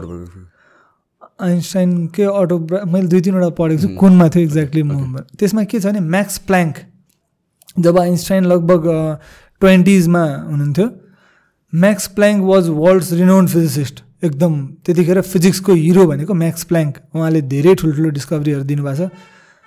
प्ल्याङ्क कन्सटेन्ट त सुन्नु नै भएको होला होइन? उहाँ म्याक्स प्ल्याङ्ककै नामबाट आएको। अब म्याक्स प्ल्याङ्कले चाहिँ E is equal to HF भन्ने एउटा फर्मुला दिनुभएको थियो। त्यतिखेर कस्तो खालको विवाद थियो भने जस्तो कुनै लाइट होइन? कुनै चिजको कलर र त्यसको टेम्परेचर र को रिलेसन चाहिँ को खोजीमा थियो क्या सबै फिजिसिस्टहरू केही चिजको कलर किन त्यस्तो छ र त्यसको कलर र त्यसको टेम्परेचरमा अथवा कलर र त्यसको अरू प्रपर्टीमा के रिलेसन हुन्छ भनेर धेरै फिजिसिस्टहरू खोजीमा थिए होइन? अनि त्यतिखेर के भयो भने कति फिजिसिस्टहरूले चाहिँ यो फ्रिक्वेन्सी रेन्जको लागि फर्मुला निकाले लोवर फ्रिक्वेन्सीको लागि कति फिजिस्टरले हायर फ्रिक्वेन्सीको लागि निकाले त्यतिखेर म्याक्स प्ल्याङ्कको एन्ट्री भयो। He gave formula E equal to HF होइन? त्यसमा चाहिँ उहाँले के गर्नुभयो भने हरेक रेन्जको फ्रिक्वेन्सीको वेभहरूको लागि अथवा रेडिएसनको लागि चाहिँ उहाँले एउटा फर्मुला दिनुभयो। अनि तर त्यसको असली मिनिङ चाहिँ उहाँले भन्न सक्नु भएको थिएन। त्यसपछि आइन्स्टाइनको एन्ट्री भयो क्या। आइन्स्टाइनको एन्ट्री भयो। आइन्स्टाइनले त्यही formula E equal to HF नै फर्मुला आइन्स्टाइनले दिनुभयो। तर आइन्स्टाइनले के गर्नुभयो भने he gave a different perspective क्या। इजिकल टु एचएफलाई अर्को तरिकाले रिलेट गर्नुभयो र त्यसलाई अहिले चाहिँ प्ल्याङ्क आइन्स्टाइन रिलेसन भनिन्छ क्या? इजिकल टु एचएफलाई उहाँको जो सम्मानमा उहाँले नाम पनि आइन्स प्ल्याङ्क आइन्स्टाइन रिलेसन भनेर दिनुभयो र त्यो भनेको चाहिँ मदर अफ क्वान्टम मेकानिक्स हो क्या यो फर्मुला भनेको। भनेपछि म्याक्स प्ल्याङ्कले दिइसकेको त्यो फर्मुला त आएर हिरो हुन्छस् भनेर कसैले त्यतिखेर आइन्स्टाइनलाई स्लाइड लगाइदिएको भए अहिलेसम्म क्वान्टम मेकानिक्स जन्मेको पनि हुँदैन थियो क्या। अब सोच्नु त त्यही भएर हामीले त्यही फर्मुलाहरू फर्मुलेट गरेका छौँ तर with a very different perspective अर्को डिरेक्सनबाट त्यो कुरालाई हेरेर अनि त्यही फर्मुलाहरूलाई फर्मुलेट गरेका छौँ जसले चाहिँ आउने फिजिक्सलाई चाहिँ नि अब आउने जेनेरेसनले टाइम डाइलेसन कति इजिली बुझ्न सक्छन् हामी इमेजिन पनि गर्न सक्दैनौँ क्या। टाइम डाइलेसन बुझ्नलाई कति त्यो भेजा खिइन्छ हामीलाई थाहा छ नि त। तर हाम्रो कन्सेप्टमा तपाईँले बुझ्न थालिसक्नुभयो नि त इन जस्ट टु आवर्स पडकास्टमा यो पडकास्टको एन्डमा तपाईँसँग पनि एउटा स्ट्रक्चर चाहिँ हुन्छ क्या? हाम्रो थ्योरीले भन्न खोजेको के हो? होइन कुन डिरेक्सनमा गइरहेछ भन्ने बुझ्न सक्नुहुन्छ क्या? र म्याथ्स पनि एकदम इजी छ सिम्पल म्याथमेटिक्स त्यस्तो छ। त्यही भएर इट बे त्यो फर्मुला त्यही भए पनि concept can make huge difference होइन र हामी एउटा नयाँ कन्सेप्टबाट अगाडि बढेका छौँ। So who do think is like the greatest mind of our generation our generation अहिलेसम्म? Nikola Tesla right Nikola Tesla. म निकोला टेस्ला भएर जन्मेको कस्तो मजा आउँथ्यो। देयर वाज द पोइन्ट म पनि यस्तो अब्सेस्ड वाज निकोला टेस्ला। किनभने he is I think someone who is under shadowed होइन? लट अफ थिङ्स जुन आएको छ इन दिस वर्ल्ड उसको कन्ट्रिब्युसन छ but people don't know that it came from उसको ओरिजिनल आइडिया हो। Somebody made it more general पब्लिकमा चाहिँ introduce गराइदियो। But then it originated from him भनेर चाहिँ त्यसलाई थाहा छैन। निकोला टेस्लाले त कति कन्ट्रिब्युट गर्नुभएको छ होइन त्यो हामी त्यो लेखेर पनि त्यो बोलेर पनि भन्न सकिँदैन अब। इलेक्ट्रिसिटी नै यस्तो नभइदिएको भए सोच्नु। मोटर इलेक्ट्रिक मोटर सोच्नु न मो मोटर केमा हुँदैन क्या अहिले? अहिले कुनै एउटा मेसिनरी कमै मेसिनरी हुन्छन् जसमा मोटर हुँदैन। त्यस्तो उहाँको यस्तो ब्रिलियन्ट डिस्कभरीहरू छ। तर पनि एट द एन्ड उहाँ चाहिँ एउटा ब्रोक भएर। जानुभयो होइन? त्यो कस्तो लाग्छ क्या सम्झिँदा पनि। त्यतिखेर यस्तो पोडकास्टहरू भइदिएको भए एटलिस्ट मान्छेहरूले थाहा पाउने क्यापिटलाइज गर्न सकेन। कन्सेप्ट चाहिँ निकाल्यो तर अरूले छोडिदियो या अरूले चाहिँ त्यसलाई क्यापिटलाइज गर्यो बट चाहिँ अड्के अड्के कतिवटा यस्तो कन्सेप्टहरू थियो होइन? कस्तो मान्छे थियो भने युज टु गिभ थियोरी क्या? राइट एक रातमा एउटा थ्योरी दिइदिने तर अल्छी। पेटेन्ट सेटेन्ट कति यति थ्योरी छन् जुन चाहिँ उहाँले गर्नुभएको तर अरूले पेटेन्ट गरेर अरूको नाम अहिले हामीले सुनेको पनि कति कुराहरू छन् क्या त्यस्ता। त्यही भएर he is like greatest mind त्यस्तो अरू पनि हुनुहुन्छ तर Nikola Tesla was Nikola Tesla. या अनि पिपल डोन्ट अर्को मान्छेले चाहिँ टेस्ला मोटर्स दे नो तर त्यो the name actually came from like because Elon Musk is a. Fan of him भनेर त्यो स्टोरी चाहिँ थाहा छैन मान्छेलाई। टेस्ला भनेकै अब त्यो त्यो उहाँकै अब सेकेन्ड नेमलाई नै हालिएको होइन। धन्न कोही त आयो। जसले जसले एटलिस्ट उहाँको लाइफ टाइममा नभए पनि पछि आएर एप्रिसिएट गरौँ मैले पनि गर्न पाएँ भने केही ठुलो गर्छु। फर निकोला टेस्ला किनभने मैले थ्योरी लेख्न थालेको चाहिँ के थियो भने म त्यतिखेर मैले भने त म आइन्स निकोला टेस्लाको बायोग्राफीहरू पढिरहेको थिएँ त्यतिखेर। धेरै भिडियोहरू पनि हेर्थेँ होइन। र एउटा उहाँ चाहिँ एकदम सुपरस्टिसियस हुनुहुन्थ्यो क्या निकोला टेस्ला। कस्तोसम्म सुपरस्टिसियस भने कुनै मिटिङमा जाँदाखेरि चाहिँ जस्तो यो पोडकास्टमा आउनु छ भने चाहिँ यो बिल्डिङको तिन चक्कर लगाएर मात्रै बिल्डिङ छिर्ने केही कुरालाई पनि होइन एट्र्याक्सन थ्योरीको अनुसारले त्यो थ्री सिक्स नाइन युज गरेर लेख्ने त्यो गर्ने अनि म मैले पनि गरेको छु क्या त्यो। आई स्टिल डु मलाई जब म एकदम कहिलेकाहीँ त्यो डिप्रेस्ड हुन्छु यो गर्न सकिँदैन कि जस्तो लाग्छ भने म एउटा पेपर लिन्छु होइन? त्यो three six nine I keep repeating क्या। आफ्नो पहिला टार्गेट लेख्ने कसरी गर्ने लेख्ने र पाइसकेपछिको फिलिङ लेख्ने त्यो जुन टेक्निक छ नि थ्योरी अफ एट्र्याक्सन त्यो चाहिँ म धेरै युज गर्छु र his inspiration his role model his the greatest mind I have ever known about till date completely agree completely agree त्यस्तो छ त्यही भएर म मेरो हिसाबले चाहिँ निकोला टेस्ला नै सो सो तिमी युर वर्किङ अन ग्राभिटी होइन ग्राभिटीमा वर्क गर्दा त यो फर्मुलेसनमा चाहिँ कसरी पुग्यो फेरि? Because you wanted to understand like how gravity work space time फेब्रिकको कुराहरू। के भयो भने म Gravity मैले बुझ्न खोजेको was that was this by accident कि लाइक हुन्छ नि यो होइन गर्नै पर्छ भनेर? अँ यो चाहिँ कस्तो भयो भने नि दाइ एउटा एक्सपेरिमेन्ट छ क्या हामी क्लास एटमा हुँदा सबै क्लास एट नाइनमा पढ्ने स्टुडेन्टहरूले पढ्छन् हामी क्लास एटमा हुँदा चाहिँ एउटा एक्सपेरिमेन्ट हामीलाई देखाइ त्यो जस हामीलाई पढाउँदाखेरि चाहिँ के पढाइयो भने हामीले के पढेको छौँ भने त्यतिखेर पढ्यौँ भने कुनै पनि दुइटा अब्जेक्ट चाहिँ एकअर्कालाई एट्र्याक्ट गर्छन् त्यसले गर्दा ग्राभिटी हुन्छ। अनि त्यो फेदर बल एक्सपेरिमेन्ट भन्नेमा चाहिँ के छ भने एउटा बिल्डिङको टपबाट चाहिँ एउटा फेदर र बललाई चाहिँ एयर रेजिस्टेन्स हटाएर ड्रप गरियो भने चाहिँ त्यो दुइटा सँगै अर्थसम्म पुग्छ। भनेपछि त अर्थको सर्फेस पो माथि गएको हो कि क्या हो? भन्ने मेरो दिमागमा क्लास एटको कुरा हो है यो क्वेसन आएको थियो। अनि पछि चाहिँ म म कतिखेर यो भोलिसिलेसनतिर एन्टर गरेँ भने तपाईँले त्यो फर्मुला हेर्नुभयो भने force is equal to GM अब जस्तो एक्सिलरेसनकै कुरा गर्ने acceleration is equal to GM by R square भन्ने जुन फर्मुला छ तपाईँ माथिको जिएमलाई मल्टिप्लाई गरिदिनु होइन? त्यसको युनिटलाई मल्टिप्लाई गर्नुभयो भने के युनिट आउँछ थाहा छ? Metre cube per second square आउँछ क्या त्यो ग्रेभिटेसनल कन्सटेन्टको युनिट र मासको युनिटलाई तपाईँले मल्टिप्लाई गर्नुभयो भने metre cube per second square आउँछ। अनि metre cube per second square के हुनसक्छ भन्दाखेरि मिटर क्युब भनेको भोल्युम पर सेकेन्ड स्क्वायर भनेको एक्सिलरेसन भनेपछि यहाँ केही लोचा छ भन्ने त्यतिखेर मैले फिल गरेको हो क्या। त्यो युनिटबाट चाहिँ मैले स्टार्ट गरेको हो। मेरो पहिलो पेपर अहिले हेर्दा हाँस उठ्दछ होइन। मैले के मात्रै गरेको छु भने फर्स्ट टाइम मैले कम्प्युटरमा आफ्नो यो थ्योरी लेख्दाखेरि चाहिँ जिएम बाई आर स्क्वायरको ठाउँमा जिएमलाई रिप्लेस गर्ने बेटाबाट बेटा बाई आर स्क्वायर गरिदिने अनि आयो नयाँ थ्योरी भनेर म स्टा मैले स्टार्ट गरेको हो। अनि पछि चाहिँ अब डिप जाँदै जाँदाखेरि मैले त केही जानेको रहेनछु भन्ने भयो पढ्दै गएँ पढ्दै गएँ म त पागल जस्तो पढेको छु यो बिचमा क्या। मैले अहिले चाहिँ अलिकति रफ्तार घटेको छ होइन। अरू अरू धेरै धेरै एक्टिभिटीहरू पनि भएर होइन। अनि त्यसपछि मैले जति सिक्दै गएँ मेरो कन्सेप्टलाई चाहिँ सबै थोकले सपोर्ट गर्दै गएँ क्या। जस्तै एक टाइम आउन सक्थ्यो नि त कि ए यो यस्तो भएको भए त मेरो थ्योरी यस्तो हो भने त मेरो थ्योरी त गलत रहेछ भन्ने एउटा पनि पोइन्ट आएन क्या। अनि द्याट केप मी बुस्टिङ अगाडि बढ्दै गइयो। नयाँ कन्सेप्ट यो एक्सप्लेन आज गरौँ भनेर गऱ्यो त्यो पनि भइहाल्ने। यही कन्सेप्टले यो एक्सप्लेन गरौँ भनेर स्टार्ट गऱ्यो त्यो पनि भइहाल्ने। अनि आई फिल्ड राइट पाथमा छु आई सुड डु दिस भनेर चाहिँ म लागेँ क्या।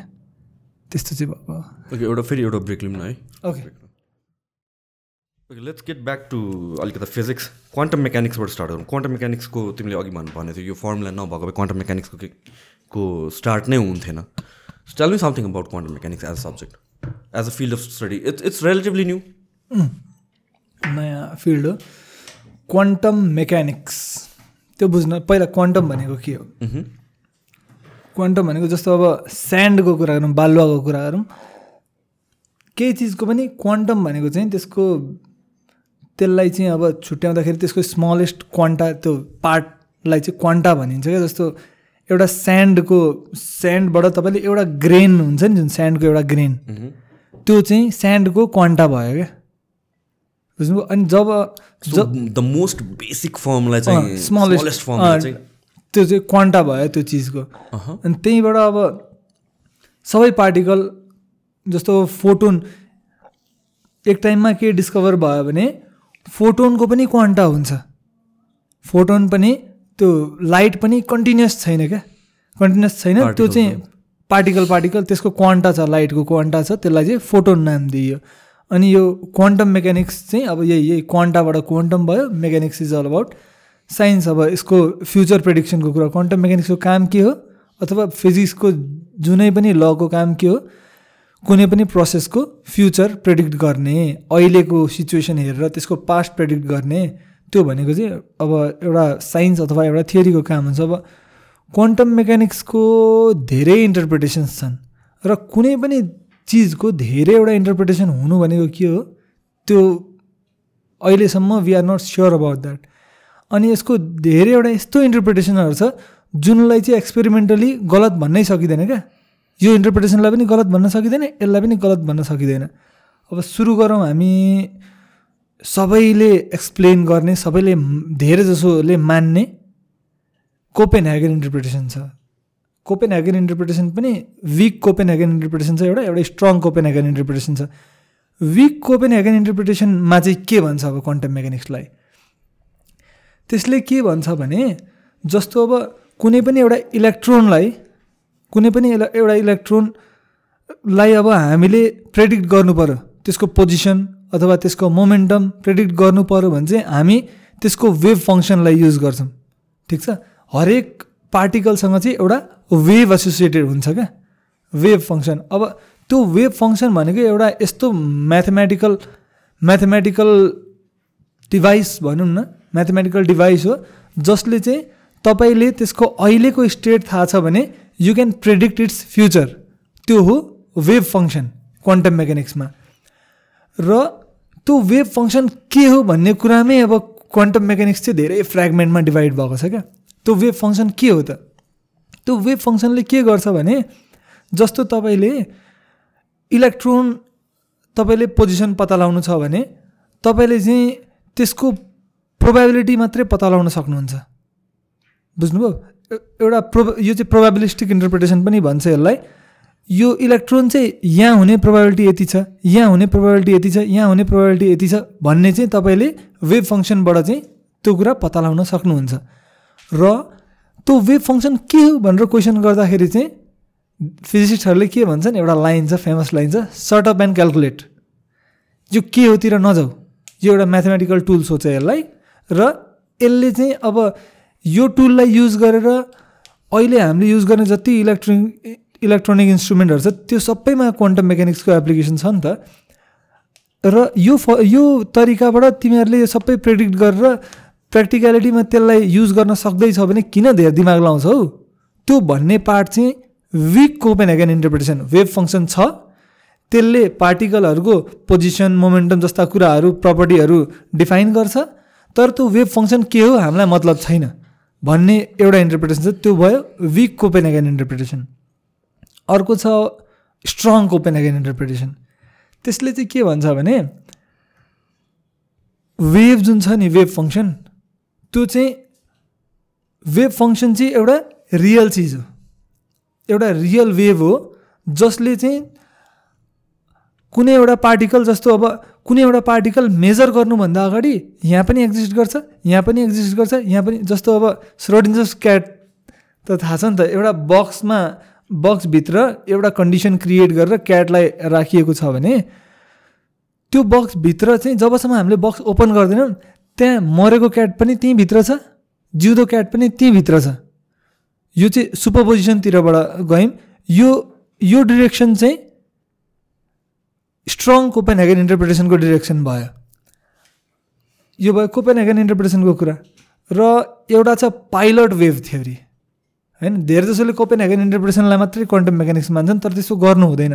किनभने कुनै एउटा यस्तो इन्टरप्रिटेसन छ जसलाई चाहिँ अहिलेसम्म एक्सपेरिमेन्टली रङ प्रुफ गरिएको छैन भने त त्यसलाई त रेस्पेक्ट गर्नु पऱ्यो त्यसलाई लिएर अगाडि बढ्नु पऱ्यो त्यस्तै इन्टरप्रिटेसन एउटा यो भयो पाइलट वेभ थ्योरी त्यसमा चाहिँ के हुन्छ भने जस्तो पानीमा एउटा मानौँ एउटा बल छ। र तपाईँले पानीमा ढुङ्गा हान्नु अथवा केही वेभ क्रिएट गर्नु त्यो त्यो पानीमा नयाँ फर्म भएको वेभले त त्यो बललाई सार्छ नि त। त्यसलाई यतादेखि उता उतादेखि यता लान्छ होइन। वेभ फङ्सन भनेको त्यो वेभको रिप्रेजेन्टेसन हो भन्छ क्या त्यो पाइलट वेभ थ्योरीले जस्तो यो universe is made of something त्यो समथिङ के हो थाहा छैन। जसमा चाहिँ वेभै वेभ छ क्या। वेभै वेभ छ र त्यसले चाहिँ पार्टिकलहरूलाई गाइड गरिरहेछ। त्यो भयो पाइलट वेभ थियोरी। पाइलट भनेको एरोप्लेन उडाउने पाइलट भन्न खोजिएको छ यहाँ। त्यो पाइलटको काम चाहिँ वेभले गरेको छ।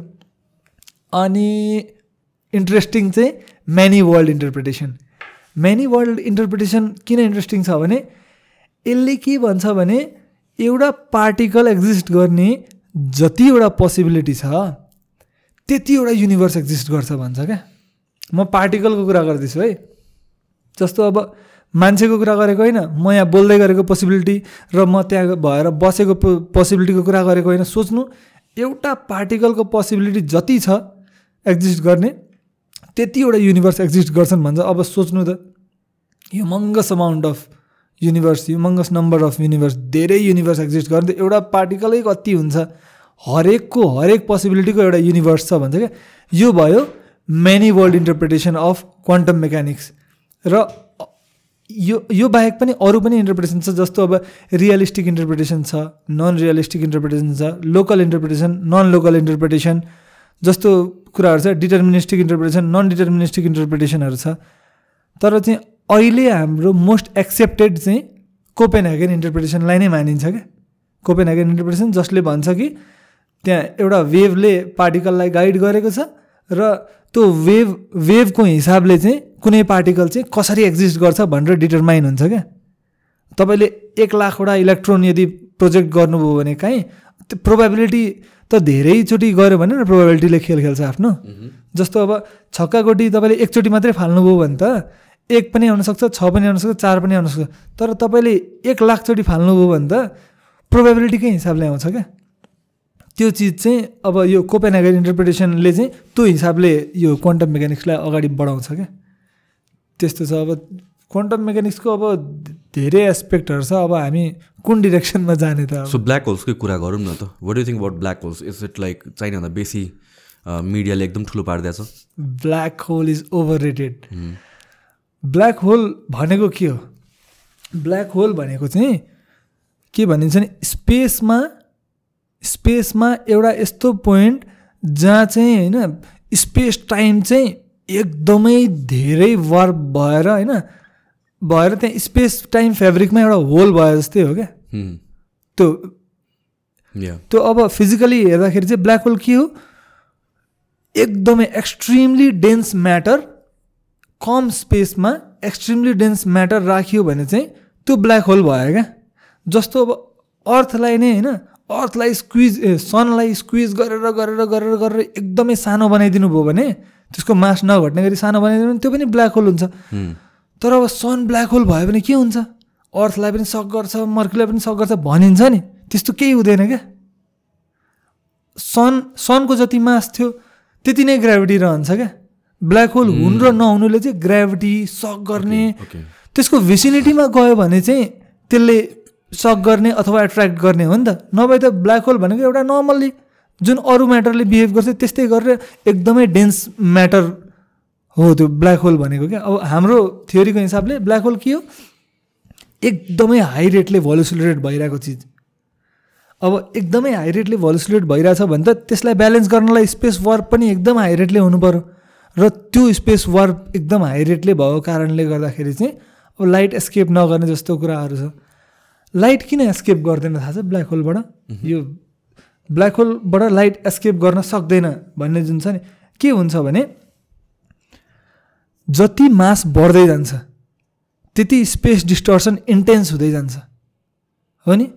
अनि जति तपाईँ त्यो मासको सेन्टरको नजिक आउँदै जानुहुन्छ त्यति तपाईँले स्पेस डर्स डिस्टर्सन बढी फिल गर्नुहुन्छ। न्युटनकै थ्योरीबाट पनि जाउँ न directly proportional to mass gravitational attraction के छ? Directly proportional to mass inversely proportional to square of distance भनेपछि जति मास बढ्दै गयो त्यति त्यसको ग्राभिटेसन ग्राभिटी बढ्दै जान्छ। र जति रेडियस घट्दै गयो होइन डिस्टेन्स जति घट्दै गयो त्यो स्क्वायरले ग्राभिटेसनल एट्र्याक्सन बढ्दै जान्छ। त्यही भएर अब के हुन्छ भने जस्तो यो एउटा अब्जेक्ट छ यसलाई पनि ब्ल्याक होल बनाउन सकिन्छ क्या? यदि हामीले स्क्विज गरेर त्यति सानो पुऱ्याउन सकियो भने।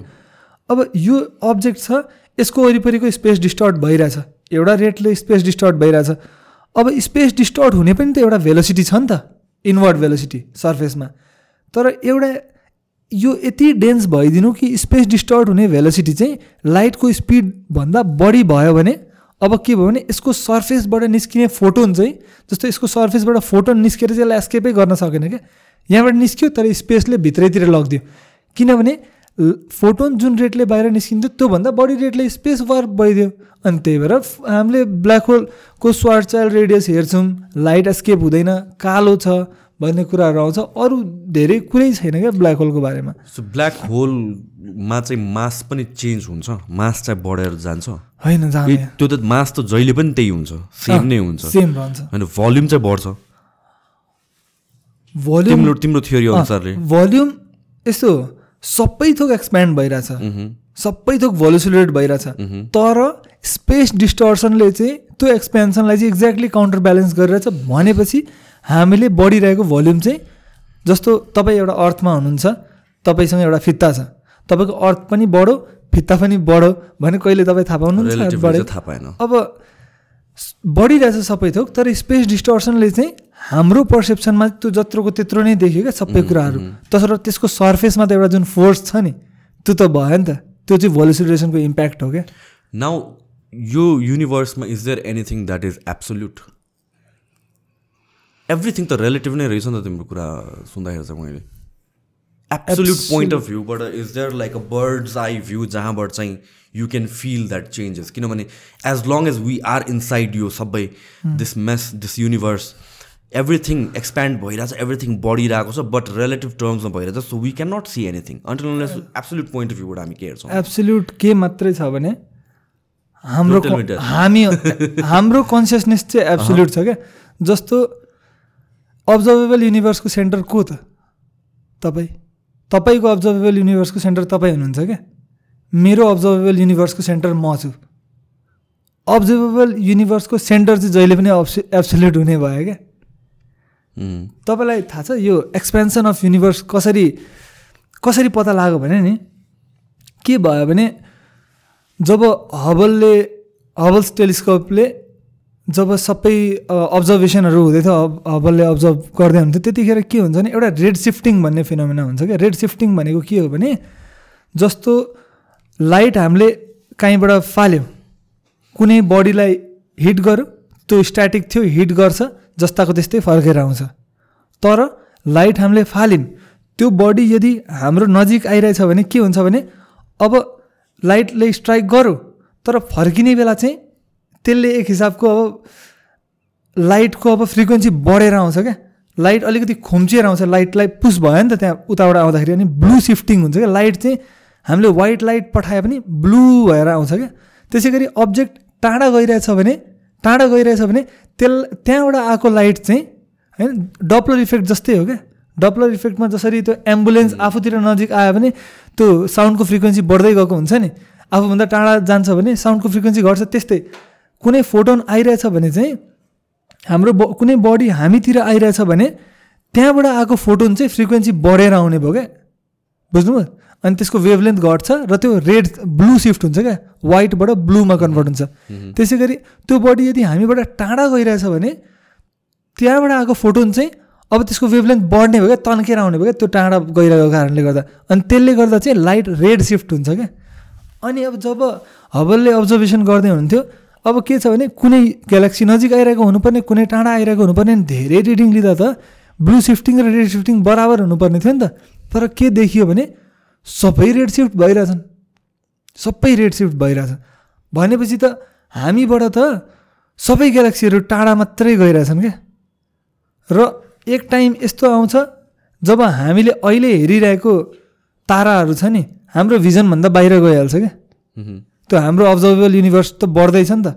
हाम्रो अब्जर्भेबल युनिभर्सको साइज त्यति नै छ तर सबै स्क्याटर भएर टाढा टाढा गएकोले गर्दाखेरि चाहिँ एक टाइमपछि चाहिँ हामीले त्यो तारा देखिरहेको तारा पनि देख्न सक्दैनौँ क्या। सो त्यो डिस्टेन्स मात्र डिस्टेन्स मात्र टाढा टाढा भएर त्यो स्पेस ठुलो हुँदै मात्र जाने हो कि दिज अब्जेक्ट्स पनि एक्सप्यान्ड हुँदै जाने यो प्रोसेसमा त्यो भनेको के हो भने एउटा हाइपोथेसिस के छ भने एउटा ब्यालुन एउटा ब्यालुन फुलाउनु होइन? अनि त्यसमा ग्यालेक्सीहरू बनाइदिनु।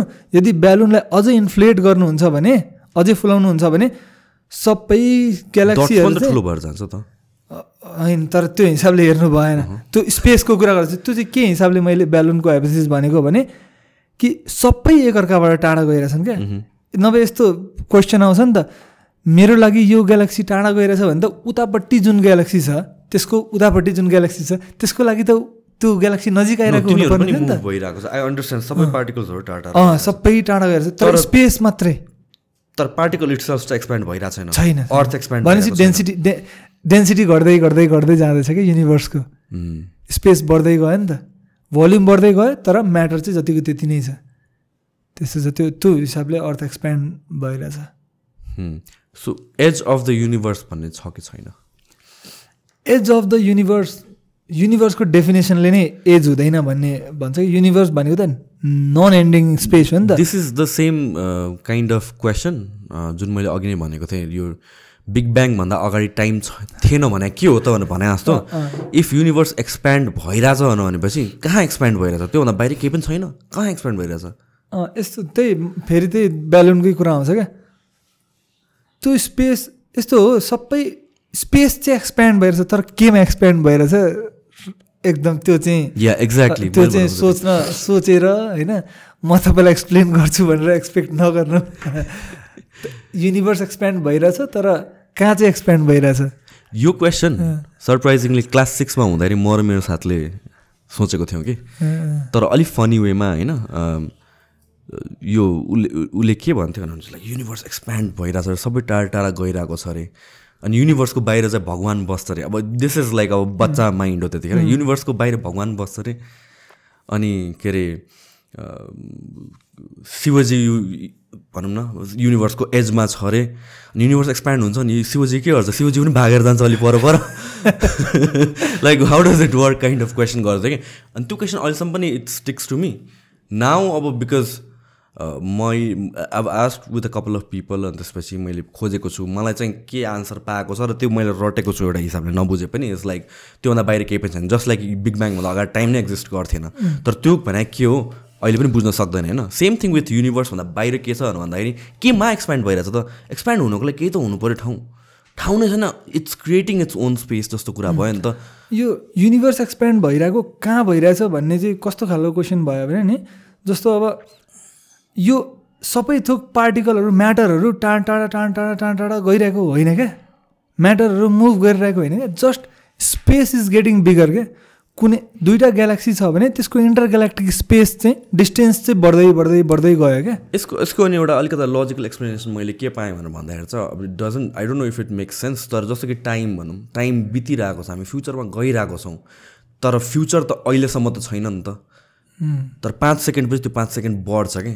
सो सो त्यसरी मैले बुझेछु कि लाइक जसरी फ्युचर भने अहिले इट डजन्ट एक्जिस्ट तर एक घन्टापछि एक घन्टा पास भइसक्यो भने फ्युचर क्रिएट हुन्छ एक्टिभिटिज क्रिएट हुन्छ। त्यसै गरिकन युनिभर्सको कुरामा पनि त्योभन्दा बाहिर स्पेस छैन एट द मोमेन्ट तर फ्युचरमा चाहिँ एक्सप्यान्ड हुन्छ स्पेस क्रिएट हुन्छ भनेर त्यसरी बुझेको छु कि यस्तो युनिभर्सभन्दा बाहिर भन्ने त भन्नै मिलेन क्या।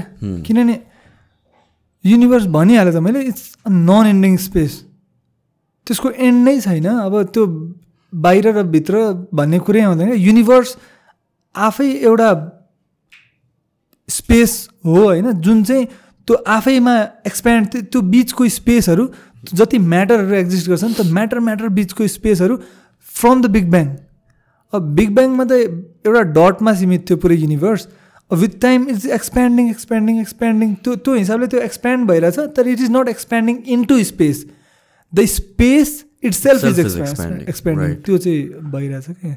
राइट ओके अलिकति चेन्ज गरौँ topic to this three six नाइनको उयो कन्सेप्ट गरेको थियौँ त्यसलाई like explain what it is किनभने फिजिक्सको कुरा गर्दाखेरि the way I look at it is त्यहाँ there is like this magic अनि त्यसपछि मेनिफेस्टेसन अल द्याट थिङ एउटा साइडमा छ physics data experiments all this थिङ्सहरू concrete थिङ्सहरू यो साइडमा छ तर समर इन बिट्विन त्यो मिक्स हुन्छ क्या होइन यो कुराहरू चाहिँ मिक्स भएर जान्छ क्या and you things like manifestation all that thing I don't believe in that तर again if you look at one of the greatest minds that ever existed Nikola Tesla यो थ्री सिक्स नाइनको कन्सेप्टहरू आउँछ so let let's talk about that के हो three six nine Nikola टेस्लाले के भन्नुभएको थियो भने तपाईँले युनिभर्स बुझ्नु छ भने चाहिँ you must understand three six and nine यति मात्रै भनेर छोडिदिनु भयो क्या?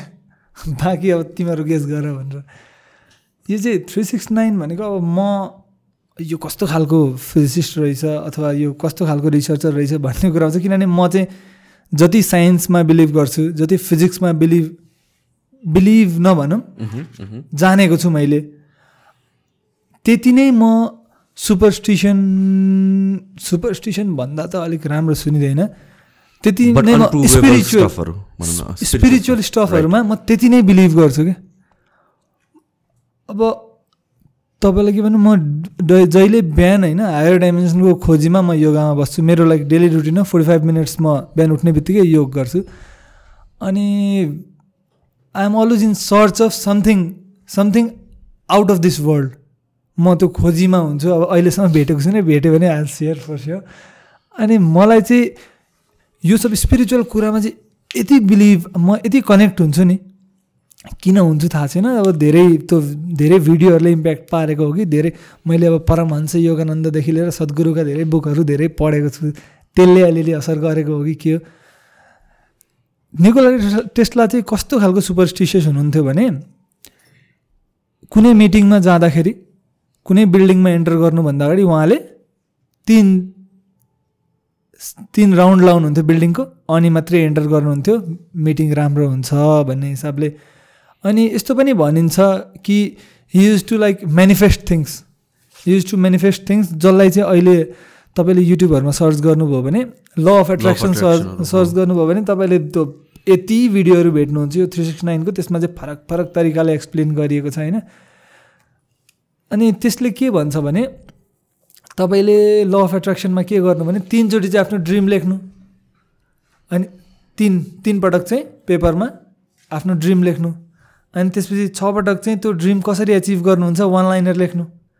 अनि त्यसपछि थ्री सिक्स भयो। अनि नाइन नौचोटि चाहिँ तपाईँले यो त्यो मोमेन्ट लिभ गर्दाखेरि चाहिँ तपाईँ कस्तो फिल गर्नुहुन्छ? मानव तपाईँ लिभ गर्दै हुनुहुन्छ। भने तपाईँ एक्ज्याक्टली कस्तो त्यतिखेर फिल गर्नुहुन्छ? प्रेजेन्ट टेन्समा लेख्नु। I am loving it I was hoping this from long time त्यस्तो हिसाबले त्यो नौचोटि लेख्नु। र नौचोटि कि नौवटा चिज?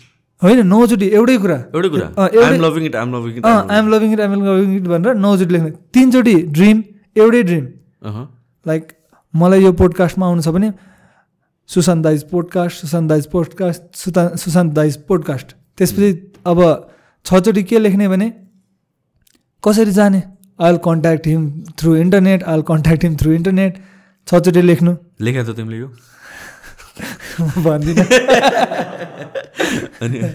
मैले लेखेको थिएँ। म म चाहिँ फेरि मैले भने त निकोला टेस्लाको त म त्यो पाइला कहाँ भेट्छु र त्यहीँ टेकेर हिँडौँ भन्ने खालको मान्छे हो क्या। अनि अब छचोटि चाहिँ म तपाईँलाई फोटो पठाउँछु लेखेको। I'll meeting through internet I'll meeting through internet भनेर छचोटि लेख्यो। अनि नौचोटि चाहिँ he is so wonderful I love being in a podcast with him he is so wonderful I love being a podcast with him भनेर नौचोटि लेख्नु अनि त्यो थ्री सिक्स नाइनचोटि लेख्नु डेली एकचोटि राति सुत्ने बेला अथवा बिहान उठेपछि पुरा प्रेसक्रिप्सन जस्तै गरेर भन्दैछु म त्यो ले भन्छन् ल अफ एट्र्याक्सनले चाहिँ त्यो भन्छ अनि त्यो लेख्नु it will come true by hook or by crook जसरी पनि त्यो कम ट्रु हुन्छ मैले अहिलेसम्म मैले लेखेको चाहिँ नभएको चाहिँ कहिले पनि छैन अब त्यो एकदमै त्यो हाइपोथेटिकल कुरा त्यो हुँदै नहुने कुरा लेख्ने होइन। किनभने कसरी गर्ने भन्ने कुरा पनि त्यहाँ लेख्नु छ क्या। त्यो भन्छन् म। अनि त्यस्तो सुपरस्टिसियस कुराहरूसँग कनेक्टेड हुनुहुन्थ्यो क्या निकोला टेस्टला चाहिँ। नो एकछिन है त्यो सो थ्री सिक्स नाइनको इट्स इज इट बिकज त्यो लेख्यो भनेर कि तिमीले एभ्री डे त्यसरी त्यो रेपिटेटिभ फर्ममा लेखेपछि some you become obsessed with it अनि त्यसपछि you start finding the solutions किनभने चाहिँ the way I have talk to lot of people जसले ल अफ एट्र्याक्सन बिलिभ गर्छ स्पेसली वुमेन एन्ड कहाँ अड्किन्छ भनेपछि त्यो लेख्ने र इमेजिन गर्नेमा मात्र अड्किन्छ क्या तर until unless you put in the work र त्यो प्रोसेस नगरेसम्म त त्यो त ट्रु नहुनु पर्ने लेखेर मात्रै हुन्छ? त्यो लेख्नु भनेकै होइन त्यो लेख्नु भनेकै आफूलाई बिलिभ गराइन्छ क्या। त्यो लेखेपछि नि कुनै दिन एक दिन ट्राई गर्नु दाइ। तर वाट इफ मैले नलेखेर I am obsess with that I'm doing all the process होइन दाइ यो लेख्नु भनेको कति म्याजिकल कुरा हो भन्ने कुरा तपाईँ चाहे रिच ड्याड पोर ड्याड पढ्नु चाहे थिङ्क एन्ड ग्रो रिच पढ्नु जति ठुला बुक्सहरू पढ्नुहुन्छ नि सक्सेसको ट्र्याकमा हिँड्ने त्यसमा के भनेको हुन्छ नि write it down I I believe hundred percent hundred percent त्यो भनिन्छ नि त त्यही भएर लेखेपछि चाहिँ अर्कै खालको एनर्जी आउँछ क्या। अझ मैले यो कुरा त्यो लिभ गरेर प्रेजेन्ट टेन्समा जब लेखिन्छ नि त्यतिखेर त कस्तो हो भने क्वान्टम मेकानिक्सको हिसाबले भन्यो भने एउटा वर्ल्ड क्रिएट गरिन्छ क्या त्यहाँ। मैले एउटा युनिभर्स क्रिएट गरिसकेँ जस्तो तपाईँ त्यहाँ बस्नु म यहाँ बस्नुको एउटा पोसिबिलिटी थियो भने तपाईँ यहाँ बस्नु र म त्यहाँ बस्नुको पनि एउटा पोसिबिलिटी थियो भन्छ कोपेनहेगन इन्टरप्रिटेसनले अनि मैले चाहिँ के गरेँ भने त्यति लेखेर मैले एउटा युनिभर्स क्रिएट गरेँ। ठिक छ? क्रिएट गरेँ जहाँ चाहिँ यो सबै हुँदैछ। अब यस नोको कुरा त हो नि वान एन्ड जिरोमा त चलिरहेछ युनिभर्स अनि अब त्यसलाई कसरी अप्रोच गर्ने? त्यो युनिभर्स त बनिसक्यो। अब त्यो युनिभर्ससम्म पुग्ने मात्रै हो क्या। अनि त्यो पुग्नले त काम गर्नु पऱ्यो लेखेर मात्रै त हुँदैन। यो अब थ्री सिक्स नाइनको कुरा हो। म यो सबैलाई सजेस्ट गर्छु भन्ने कुरा पनि होइन। यो गर्नुपर्छ भन्नु पनि म भन्दिनँ। मन लाग्छ गर्नु मन लाग्दैन नगर्नु। तर थ्री सिक्स नाइनको ल अफ एट्र्याक्सनले चाहिँ यो भन्छ क्या यो। निकोला टेस्लाको थ्री सिक्स नाइनले चाहिँ। सो बेसिकली त्यसको मेकानिजम भनेको चाहिँ you become so obsessed with something and यो कन्सटेन्टली रिमाइन्डिङ युर सेल्फ र त्यो टेस्ट अफ भिक्ट्री भन्छ नि। टेस्ट अफ भिक्ट्री फ्युचरको अहिले नै पाइसकेपछि झन् गर्न मन लाग्छ त्यही हो मेकानिजम एकदम त्यही हो त्यही हो। त्यो तपाईँ एकदम अब्सेस्ड भइहाल्नुहुन्छ क्या। त्यो त्यो नभई त अब लाज हुने भयो नि त त्यही। चार दिनदेखि लेखिरहेछ। पाँच दिन त लाज हुन्छ। ला मैले त केही गरेकै छुइनँ। लेखि मात्रै रहेको छु अनि केही गरिन्छ क्या। अनि त्यो गरेपछि त्यहाँसम्म पुगिहालिँदो रहेछ। अहिलेसम्म अहिलेसम्म मेनिफेस्ट गर्दै नै अगाडि बढिरहेछ जस्तो फिल हुन्छ मलाई। मलाई त्यति भरोसा लाग्छ क्या। यो कुरा चाहिँ आई कम्प्लिटली बिलिभ किनभने देयर आर लाइक म फिटनेस इन्डस्ट्रीबाट हो। There are people who. Want to lose weight तर जो बच्चादेखि मोटो नै छ कि जेनेटिकली नै अर फ्यामिली इन्भाइरोमेन्टले गरेर। अनि most people don't understand how good it is to be in a normal weight if एउटा ओभर वेट मान्छे सय किलोको मान्छे छ अरे सिक्सटी फाइभ किलो हुँदाखेरि उसलाई कस्तो लाइट हुन्छ एभ्रिथिङ कस्तो इजी भएर जान्छ उसलाई त्यो एक्सपिरियन्स नै छैन कि? तर लेट्स चाहिँ त्यो मान्छेलाई चाहिँ त्यो एक्सपिरियन्स भएको भए उसको मोटिभेसन अर्कै लेभलमा हुन्थ्यो कि? That person would do anything to lose that weight जब त्यो टेस्ट नै पाएको छैन उसलाई त्यो मतलबै भएको छैन. I mean kind of want it so यो यो the way I understand is special the last part which is the most important र मोस्ट रेपिटेटिभ छ नाइनचोटि लेख्नु पर्ने होइन अचिभ गरिसकेपछि हाउ वुड आई फिल त्यसले त्यहीँ पुस गर्छ जस्तो लाग्छ कि that that makes you realize कि लाइक हुन्छ नि यो कुरा अचिभ भएपछि हाउ वुड आई फिल र त्यसले गरेर चाहिँ अझ मान्छेले चाहिँ they put in the effort हो त्यही हो प्यासनेट हुनु पऱ्यो क्या त्यो गर्छु भने चाहिँ गर्नु पऱ्यो क्या त्यो बिचमा कतिको बानी के हुन्छ भने एउटा कुरामा लाग्ने लाग्ने लाग्ने लाग्ने एक महिना दुई महिना अनि फ्लिप गर्ने अर्कोतिर लाग्ने अर्कोमा लाग्ने लाग्ने लाग्ने फेरि अर्कोमा जाने त्यो त्यो चेन्ज गरिरहेको क्या। त्यस्तो हुनु भएन। आफूलाई जे चाहियो इलोन मस्कले पनि त अस्ति भर्खर के ट्विट गर्नुभएको थियो भने if you work passionately for six month you will achieve it anyhow and if you don't achieve think that you are not working passionately भन्ने छ क्या। छ महिना भनेको धेरै ठुलो टाइम हो। छ महिना तपाईँले छ महिनामा जे पनि गर्न सक्नुहुन्छ जस्तो लाग्छ क्या मलाई। छ महिनामा तर दिन रात एक गरिदिनु पऱ्यो।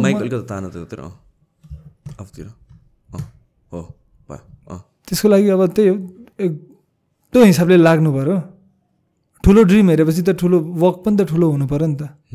ड्रिम मात्रै गरेर पनि भएन but dream plays a vital role very important role खेल्छ it's a motivator it's something जुन चाहिँ हुन्छ नि इन्टरनल फोर्स हो जसले चाहिँ तिमीलाई यो it's constantly pushing you constantly making you obsessed अनि when you are obsessed with something त्यसपछि त पोसिबिलिटिज नभेटाउनु त कुरा छैन नि त। तिमी अब्सेस्ड छैनौ भने you kind of want something भनेपछि एकछिन सोध्छौ त्यसको बारेमा पाँचवटा पाँचवटा बाटो भेटाउँछौ होला क्या and then you stop but you're when you're obsessed about something पाँच सयवटा बाटो भेटाउँछ क्या मेबी त्यो पाँच सयवटा बाटो भेटाउँछ। Maybe one of that will work तर पाँचवटामै भेटाउँछ भने त जरुरी छैन। हो लाग्नु पऱ्यो अब एउटा एज कस्तो हुन्छ भने भेराइटी अफ आइसक्रिम चाख्ने एज हुन्छ क्या। भेनिला पनि चाख्ने चक्लेट पनि चाख्ने मिल्क पनि चाख्ने सबै चाख्ने आइसक्रिम अनि त्यसपछि एउटा यस्तो एजमा पुगिन्छ अब चाहिँ त्यो आइसक्रिम मात्रै बेस्ट के छ रोजेर अनि त्यसको पछाडि लाग्ने बेला हुन्छ क्या। अब म तपाईँलाई के एडभाइस त दिएर होइन नि यो। होइन म त सिधा सादा मान्छे त्यस्तो लाग्दैन के हुन्छ भने नि अब मैले नै हामीले यो जर्नी तपाईँले अब के हामीले यो जर्नी स्टार्ट गर्दा चाहिँ हामीसँग केही पनि थिएन न थ्योरी थियो होइन न बुस्ट गर्नलाई अहिलेसम्म केही अचिभमेन्ट थियो केही पनि थिएन तर फर्स्ट डे मैले के गरेँ भने मैले आफ्नो क्यामेरा खोलेँ अनि मैले भ्लग बनाउनु थालेँ क्या this will be the vlog to success दुनियाँले हेर्छ सक्सेसफुल कसरी भइन्छ। म यो भ्लगबाट म दुनियाँलाई देखाउँछु भन्ने छ क्या मलाई। अनि वी स्टार्टेड हाम्रो हरेक दिनको छोटो छोटो भए पनि भ्लगहरू छ क्या। र म सक्सेसफुल भएपछि सक्सेसफुल भएपछि चाहिँ एउटा एउटा चाहिँ त्यो अमेजिङ लेसन दिन चाहन्छु क्या। लाइक कसैको अहिलेसम्म सक्सेसफुल भएको भ्लग छ त। Like from ground from zero level to टपको छैन नि त। म एक दिन मलाई चाहिँ के सोध्छ भने म एक दिन टपमा पुगेपछि चाहिँ मलाई एकचोटि देखाइदिनु छ क्या मान्छेलाई इजी छ सक्सेसफुल हुन। You just need to work very hard and passionately र छोड्न चाहिँ जे परे पनि छोड्दिनँ भन्ने हिसाबले लाग्यो भने चाहिँ जे पनि पोसिबल छ भन्ने देखाउनु छ क्या सबैलाई। How do you view religion I know it's अलिकता deep waters but let's forget about controversy and stuff like that म कहाँतिर इन्ट्रेस्टेड छु भनेर भनेपछि रिलिजनको आफ्नै महत्त्व छ। स्पेसली अब अहिले भन्दा पनि if you look at couple hundred इयर्सको जहाँ चाहिँ सोसाइटीको स्ट्रक्चर थिएन या थाउजन्ड्स अफ इयर्सको सोसाइटीको स्ट्रक्चर थिएन भनेपछि some kind of guiding force चाहियो some kind of this is like anthropological point of भ्यूबाट पनि हेर्दाखेरि। ह्युम्यानिटीलाई अगाडि कसरी बस बढाउने? तर ह्युम्यानिटी भन्दा पनि मेरो सोसाइटीलाई अगाडि कसरी बढाउने? किनभने there needs to be a common objective अनि humans are the only species जसले चाहिँ they work in groups for longer period of time र लार्जर ग्रुप्समा भनौँ न। अनि एउटा युनिफर्म पाथमा गाइड गर्ने केही न केही त मिथोलोजिसहरू चाहियो केही न केही स्टोरिजहरू चाहियो केही न केही हुन्छ नि लार्जर देन लाइफ फिगरहरू चाहियो। So that's how religion was created जस्तो मलाई लाग्छ है? अब वी हेभ लाइक आफ्नो डिफ्रेन्ट डिफ्रेन्ट पर्सेप्सन तर द पोइन्ट इज लाइक त्यही जुन युनिफर्मिटीको लागि बनेको थियो religion right now that is that has turn into something that is creating divides आफ्नो आफ्नो ग्रुपमा आफ्नो आफ्नो सोसाइटीमा आफ्नो आफ्नो कम्युनिटी र कल्चरमा चाहिँ it's a factor of creating uniform uniformity but at the same time global कन्टेक्स्टमा हेर्दाखेरि चाहिँ the the the divide because of religion भनौँ या भने जेन्डर भनौँ all this ग्रुप्सहरू it's larger than ever religion चाहिँ अब तपाईँले क्वेसनमै एन्सर पनि दिनुभयो भने यो चाहिँ अब के हो भने एउटा कमन अब्जेक्टिभ कमन अब्जेक्टिभ रिलिजनको मिनिङ नै अब धर्म। धर्म भनेको ड्युटी धर्म आफ्नो लागि हुँदैन क्या। धर्म भनेको आफ आफू यो युनिभर्समा जन्मिसकेपछि एज अ ह्युमन जन्मिसकेपछि सोच्नु न कति लिभिङ क्रिएचर्सहरू हुन्छन्। तपाईँले एक चम्चा माटो मात्रै लिनुभयो भने त्यो माटोमा दुनियाँ अहिलेसम्म एक्जिस्ट गरेको मान्छेको नम्बरभन्दा बढी ब्याक्टेरिया एक चम्चा त्यसमा हुन्छ नि त। र एज अ ह्युमन जन्मिसकेपछि चाहिँ we have lot of duties for our society for our family for entire humanity so धर्मले चाहिँ के गर्छ भने गाइड गर्छ।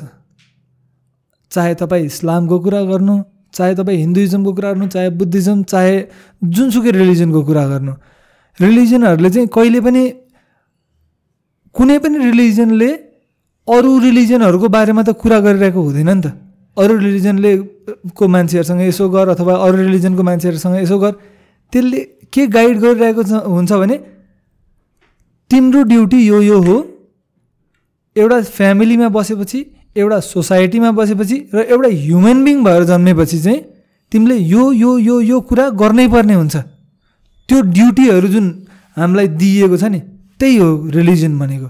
योभन्दा बढी यसलाई लग्यो भने चाहिँ त्यो अरू सबै बेकार कुरा हो क्या। त्यो त्यति ड्युटी हामीले गर्न सक्यौँ भने सक्यो चाहे तपाईँ हिन्दू भएर हिन्दुइजमले भनेको सबै कुराहरू गर्नु त तपाईँ पुरा। द्याट इज इनफ एउटा मुस्लिमले पनि तपाईँलाई भन्दैन कि यो किन गरेको भनेर किनभने it never teaches you or it never guides you in a wrong path त्यसले जहिले पनि सही डिरेक्सन नै दिइरहेको हुन्छ एउटा युनिफाई गर्ने नै डिरेक्सन दिइरहेको हुन्छ। र यसले सोसाइटीलाई कति हेल्प पनि गरेको छ नि त। अब कसैले होइन माकसम खानुभन्दा अगाडि सोध्छ नि क्या। केही कुरा सोध्यो भने यसले झुट बोल्दैछ त्यही पनि माकसम खायो भन्छ कि भन्ने हुन्छ नि त। त्यो एउटा बिलिभ छ एउटा डर पनि छ नि त कि someone is watching someone is guiding भन्ने हुन्छ नि त। त्यो हिसाबले यसले चाहिँ सोसाइटीलाई राइट ट्र्याकमा हिँड्नलाई हेल्प पनि गरिरहेको हुन्छ। तर अब सबै चिजको प्रोज एन्ड कन्स हुन्छ। यसको धेरै प्रोहरू हुँदाहुँदै पनि केही कन्सहरू छन् जसले चाहिँ सोसाइटीलाई डिसइन्टिग्रेट गर्छ। कतिले पोलिटिक्समा पोलिटिक्समा धर्म मिक्स गर्छन्। कतिले अब धर्मको कुरा त पोलिटिक्समा आउनै नहुने हो नि त। मलाई चाहिँ त्यस्तो लाग्छ क्या। किनभने त्यो एउटा फरक पार्ट हो। धर्म एउटा फरक पार्ट हो। केही कुरामा सँग पनि धर्मलाई मिक्स नगरिकन तपाईँले आफ्नो धर्मले असाइन गरेको ड्युटीहरू मात्रै गरिदिनु त। पिस अरू के हुन्छ? होइन त? सो डिसइन्टिग्रेट गर्नुभन्दा पनि आफ्नो ड्युटी गर्ने र युनिफाई गर्ने। त्यो धर्मको धर्म यो युनिभर्समा इन्ट्रोड्युस गराउने अब्जेक्टिभ नै त्यही हो जस्तो लाग्छ मलाई। No I I completely agree I feel the same like सबै रिलिजनको एन्ड गोल चाहिँ एउटै हो।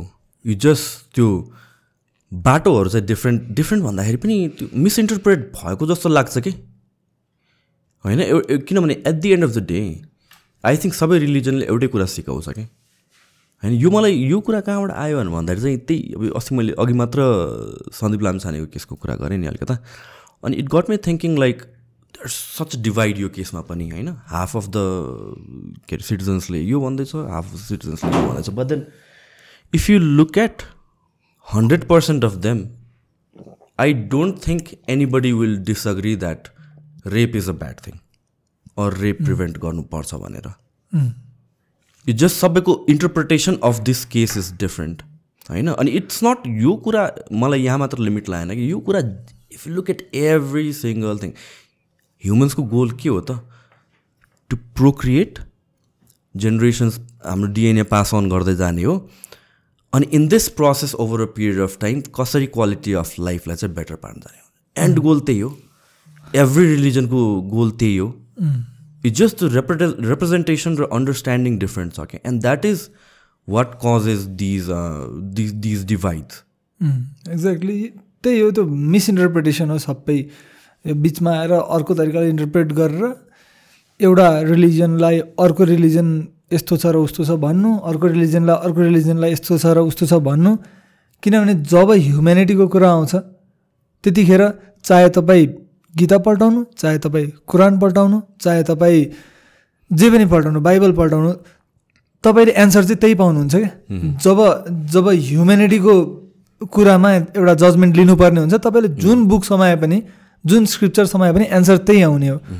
So religion is to unite not to divide भन्ने कुरा बुझ्यो भने do you think like religion एउटा रिलिजनबाट मल्टिपल रिलिजनहरू जेनेरेट भएको लाइक फर्स्ट इन्सेप्सन एउटा पोइन्ट एउटा थियो अनि त्यहाँबाट अरू मल्टिपल ग्रुप्सले चाहिँ त्यसलाई त्यही एउटा मेसेजलाई चाहिँ अरू त्यही एउटा अब्जेक्टिभलाई चाहिँ डिफ्रेन्ट डिफ्रेन्ट इन्टरप्रिटेसनमा गऱ्यो अर अर सबैजना started at the same time अनि त्यसपछि came to the same conclusion let's let's not talk about कुन रिलिजन फर्स्ट यस्तो यस्तो हुन्छ। के छ भने अब म इस्लामको कुरा गर्छु पहिला। मुस्लिमहरूमा के भनिन्छ भने इस्लाममा there are since the humanity started जबदेखि स्टार्ट तबदेखि नै मेसेन्जरहरू पठाइन्थ्यो। त्यतिखेरदेखि नै मेसेन्जरहरू पठाइन्थ्यो। आदम अल इस्लामदेखि लिएर इसा अल इस्लामदेखि लिएर होइन विभिन्न मेसेन्जरहरू पठाइयो। To give message to the humanity त्यो टाइम बााउन्ड मेसेजेसहरू पठाइयो। होइन पहिला आदम अल इस्लाम आउनुभयो। उहाँले चाहिँ त्यो एजको त्यो टाइमको मेसेज सबैसम्म पुर्याउनु भयो। त्यसपछि अर्को मेसेन्जर आउनुभयो। उहाँले आफ्नो मेसेज पुर्याउनु भयो। अनि लास्टमा अब हामी हाम्रो इस्लामको हिसाबले last and final messenger prophet Muhammad आउनुभयो। And he gave the message which was not not time bounded त्यो चाहिँ अब चाहिँ यो चाहिँ लास्ट मेसेज हो। होइन it will take you till the it will help you till the Qayamat the judgment day भनौँ न त्यो लास्ट टाइमसम्म त्यसले हेल्प गर्छ भन्ने भयो।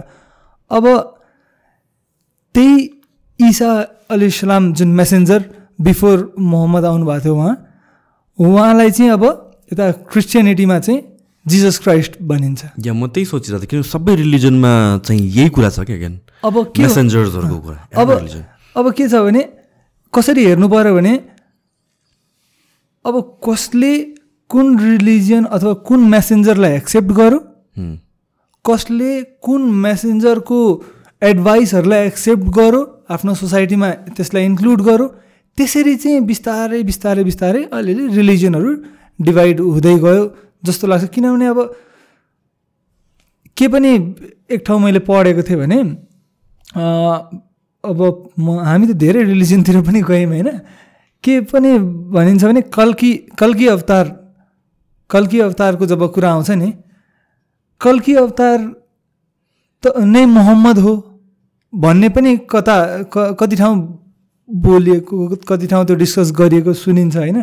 अनि धेरै सिमिल्यारिटिजहरू पनि देखाइन्छ। किनभने ऊ कल्की अवतारको आमाको नाम सुमति हुन्छ भनिएको छ सुमति भनेको पिस पिस लाइक यदि अरबिकमा कन्भर्ट गर्ने हो भने आमिना हो जुन चाहिँ प्रोफेट मोहम्मदको आमाको नाम थियो। अनि त्यस कल्की अवतारको बुवाको नाम विष्णु यास हुनेछ भन्ने कुरा गरिएको छ। विष्णु यासलाई अब अरबिकमा कन्भर्ट गर्ने भने अब्दुल्ला हुन्छ which was exactly the name of prophet prophet Muhammad father अनि त्यस्तै खालको विभिन्न सिमिल्यारिटीहरू पनि देखाइन्छ। तर अब यो यस्तो सिमिल्यारिटीहरूको कुरा चाहिँ हाइलाइटमा आउँदैन क्या मेन स्ट्रिममा आउँदैन। जति डिभिजनका कुराहरू हुन्छन् जति डिसिमिल्यारिटीका कुराहरू हुन्छन् डिफरेन्सेसका कुराहरू हुन्छन् त्यो मात्रै मेन स्ट्रिममा आउँछ र त्यो किन आउँछ? त्यो कस्तो खालको एल्गोरिदम हो? हाम्रो हामी कस्तो खालको एल्गोरिदममा छौँ? त्यो त्यो चाहिँ मलाई म आफै छक्क पर्छु कि इट एक्चुली मेक सेन्स किनभने चाहिँ आई मिन लाइक तिमीले केही चिज राम्रो ले देख्यौ भने तिमी हतपति कमेन्ट गर्दैनौ होला क्या। इफ समथिङ ट्रिगर्स यु तिमी कमेन्ट गर्छौ होला क्या। सो त्यो कमेन्ट एल्गोरिदमले केलाई प्र प्रिफर गर्छ भने त काइन्ड अफ कन्टेन्ट जुनमा चाहिँ कमेन्ट बेसी आउँछ इङ्गेजमेन्ट बेसी आउँछ right so by default when they say like the media is evil or social media evil भने they are not doing it purposefully कि सोसाइटीलाई डिस्टर्ब नै गर्छु भनेर बट देन एल्गोरिदमले के प्रिफर गर्छ? मोर इङ्गेजमेन्ट मोर इङ्गेजमेन्टमा केमा आइरहेको छ भनेपछि त्यस्तो काइन्ड अफ कन्टेन्ट जुनमा चाहिँ पोलराइजिङ थट्सहरू छ। And that is how specially if you look at the rise of social media post two thousand ten to thousand ten twenty twenty ट्वेन्टीको बिचको एरामा भनेर भन्दाखेरि यो पोल्यारिटी झनै बढेर गएको छ क्या because we are so attracted or engage to to all these negative कुराहरू. एन्ड uh, भन्न चाहिँ मान्छेहरूले के भन्छ भने सोसियल मिडियाले जान जाने गरी यो नेगेटिभिटी ल्याइरहेको छ। इट्स नट उनीहरूले त प्रमोट गरिरहेको छ। उनीहरूको एल्गोरिदम जहाँ इङ्गेजमेन्ट छ। अनि by default we as humans engage with negative स्टफहरू हो त्यस्तै हो। अब तपाईँ एउटा अब त्यो अरू प्रोग्रामको नाम लिन मिल्ने हो नमिल्ने हो क्राइम पेट्रोलको कुरा गरौँ न। इभिल कुराहरू मात्रै देखाइन्छ नि त्यसमा। Mm-hmm, mm-hmm. कति पपुलर छ सो छ त्यो। Mm-hmm. कति मान्छेहरूले इन्जोय गरेर हेर्छन्? मर्डर रेप होइन?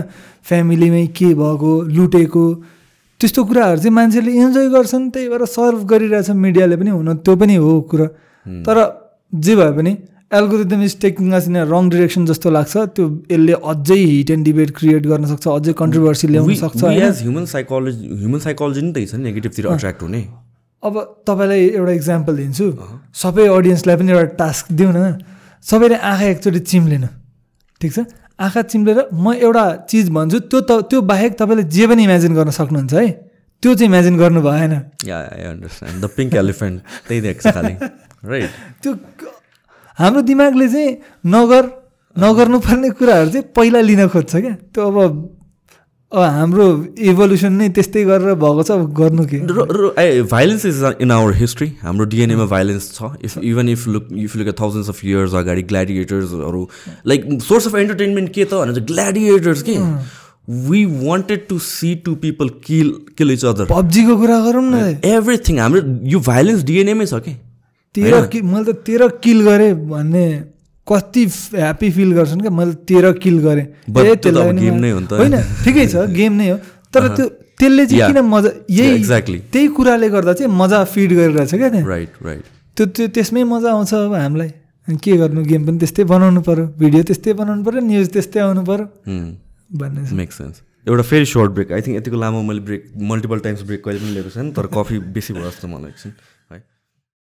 Back let's talk about UFOs quantum मेकानिक्सको त पडकास्टै भएन नि युएफओहरू एलियनहरूको बारेमा कुरा गरेन भन्दा सो अघि तिमीले भने like maybe you have encountered UFO some by the way again युएफओलाई अहिले युएपी भन्नु भन्छ। युएपी होइन unidentified foreign अब्जेक्टबाट unidentified aerial phenomenons more generalise गरेर चाहिँ सिम्स लाइक मोर अब it's not even object we don't know what it is भन्ने नेगेटिभतिर गइरहेको छ भने जे पनि हुनसक्छ। त्यो झन् अलिकता सस्पिसियस लाग्यो मलाई यसो नाम सुन्दा नाम चेन्ज भएको सुन्दाखेरि पनि but what's you take on it UFO this is one of those things जुन चाहिँ अगेन थियोरिटिकल फिजिक्समा इट मेक सेन्स किनभने यत्रो इन्फिनिटी छ सो देयर माइट अरू के एक्जिस्ट गर्छ होला। बट देन प्र्याक्टिकल एक्सपेरिमेन्टल वर्ल्डमा चाहिँ हाउ डु सिट पहिला त मलाई मेरो पोइन्ट अफ भ्यू सोध्नुहुन्छ भने चाहिँ मलाई चाहिँ लाग्छ यो यो जुन यहाँ हाम्रो अर्थमा भएको लाइफ छ नि कता कता यही नै सेन्टर अफ द कस्मस होला जस्तो लाग्छ क्या मलाई चाहिँ। अर्थ नै। अँ मलाई त्यो फिल हुन्छ। किनभने अब किन पनि मलाई लाग्छ भने अब अहिलेसम्म हाम्रो एन्सियन्ट ग्रन्थहरूले भनेको त गलत प्रुफ भएकै छैन नि त। विथ टाइम त्यो सही हो सही हो सही हो भन्दै गएको छ नि त। अनि हाम्रो एन्सियन्ट स्क्रिप्चरहरूले के भन्छ भने माउन्ट मेरु माउन्ट सुमेरु पनि भनिन्छ। Is the centre of the cosmos भन्छ क्या। र माउन्ट कैलाश जुन छ नि त्यो चाहिँ three dimensional cross section of four dimensional mount Meru हो क्या। माउन्ट मेरुको लोवर डाइमेन्सनमा चाहिँ त्यो माउन्ट कैलाश हो जुन हामीले माउन्ट कैलाश हामीले हेर्छौँ नि। अनि त्यहाँबाट चाहिँ मलाई यो ह्युमेनिटी अथवा यो यो यहाँ जुन अर्थमा यो फ्लरिस भएको लाइफ छ नि त्यो चाहिँ सेन्टर अफ द कस्मस होला होला भए हुन्थ्यो जस्तो लाग्छ। तर अब अब अनआइडेन्टिफाइड एरियल फिनोमिनाको कुरा गर्दाखेरि डिनाइ पनि गर्न सकिँदैन। किनभने एकचोटि दुईचोटिको कुरा होइन अझ रिसेन्टली त या मोर साइटिङ्स अँ साइटिङ यति धेर भइरहेछ। र विथ टाइम यो क्रप सर्कलको कुरा भयो यो यस्ता फ्लाइङ अब्जेक्ट्सका कुराहरू भए यो चाहिँ फ्रिक्वेन्ट फ्रिक्वेन्ट फ्रिक्वेन्ट झन् झन् फ्रिक्वेन्ट हुँदै गएको छ। द यो क्रप सर्कलहरूको केही लजिकल एक्सप्लेनेसन छ अहिलेसम्म?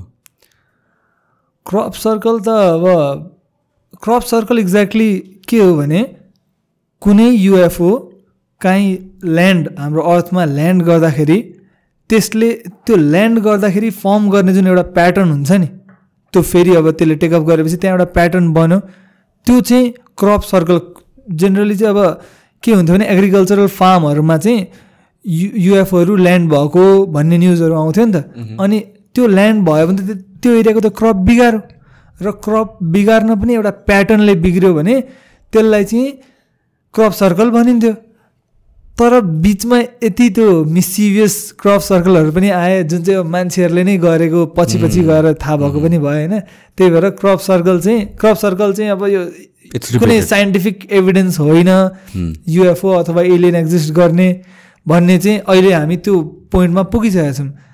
तर रिसेन्टली क्याप्चर भएका केही रेडार सिग्नल्स होइन? केही केही डिफ्रेन्ट खालका रेडिएसनहरू जुन जुन अहिले साइन्टिस्टहरूले अलराउन्ड द वर्ल्ड फेरि कुनै एउटा पोइन्ट होइन यहाँ मात्रै देखियो अथवा त्यहाँ मात्रै देखियो अलराउन्ड द वर्ल्ड साइटिङहरू भइरहेकोले चाहिँ त्यसले चाहिँ समथिङ इज ह्यापनिङ जस्तो चाहिँ मलाई लाग्छ। Something is happening we are being observe जस्तो लाग्छ मलाई।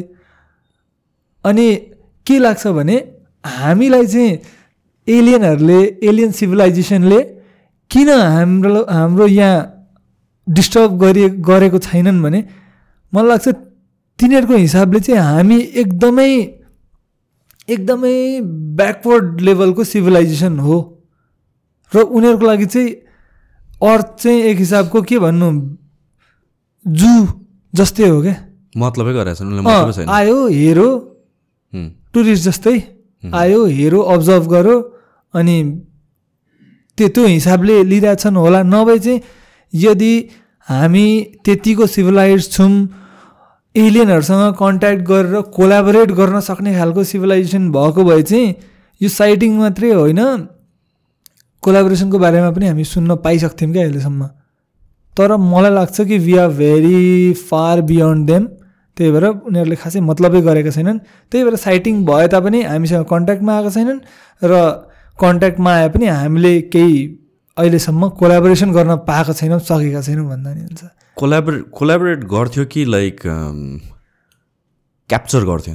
किनभने like if you look at earliest form of हाम्रो own evolution what did we do we as a species या भन्छ एउटा कम्युनिटीले अर्को कम्युनिटी केमा चाहिँ केही चिज इम्पोर्टेन्ट छ या भन्छ भ्यालुएबल छ भनेर we didn't collaborate we capture that होइन? त्यसरी इभल्भ हुँदै आएको। अहिले पो यो ल छ अनि all are thing but still there there wars happening तर in a subtle way resources capture गर्नको लागि. तर कोलाबोरेसन भनेको I don't know if it's in our human nature तर do you think aliens if they existed collaborate गर्थ्यो होला? हामीभन्दा much more advance civilization if you had something valuable त्यसो त्यो त्यसको त्यसले चाहिँ हामीलाई कता डिरेक्ट गर्यो भने कि त हामी त्यति एकदमै पछाडि छौँ सिभिलाइजेसनमा कि हामीसँग केही भ्यालुएबल छैन क्या उनीहरूको लागि।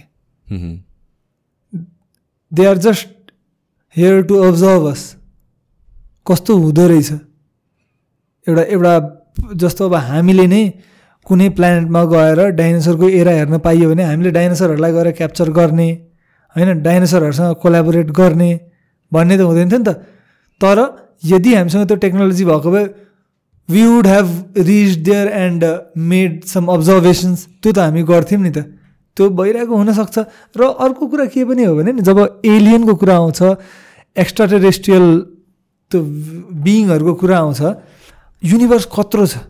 युनिभर्स एकदमै ठुलो छ नि त।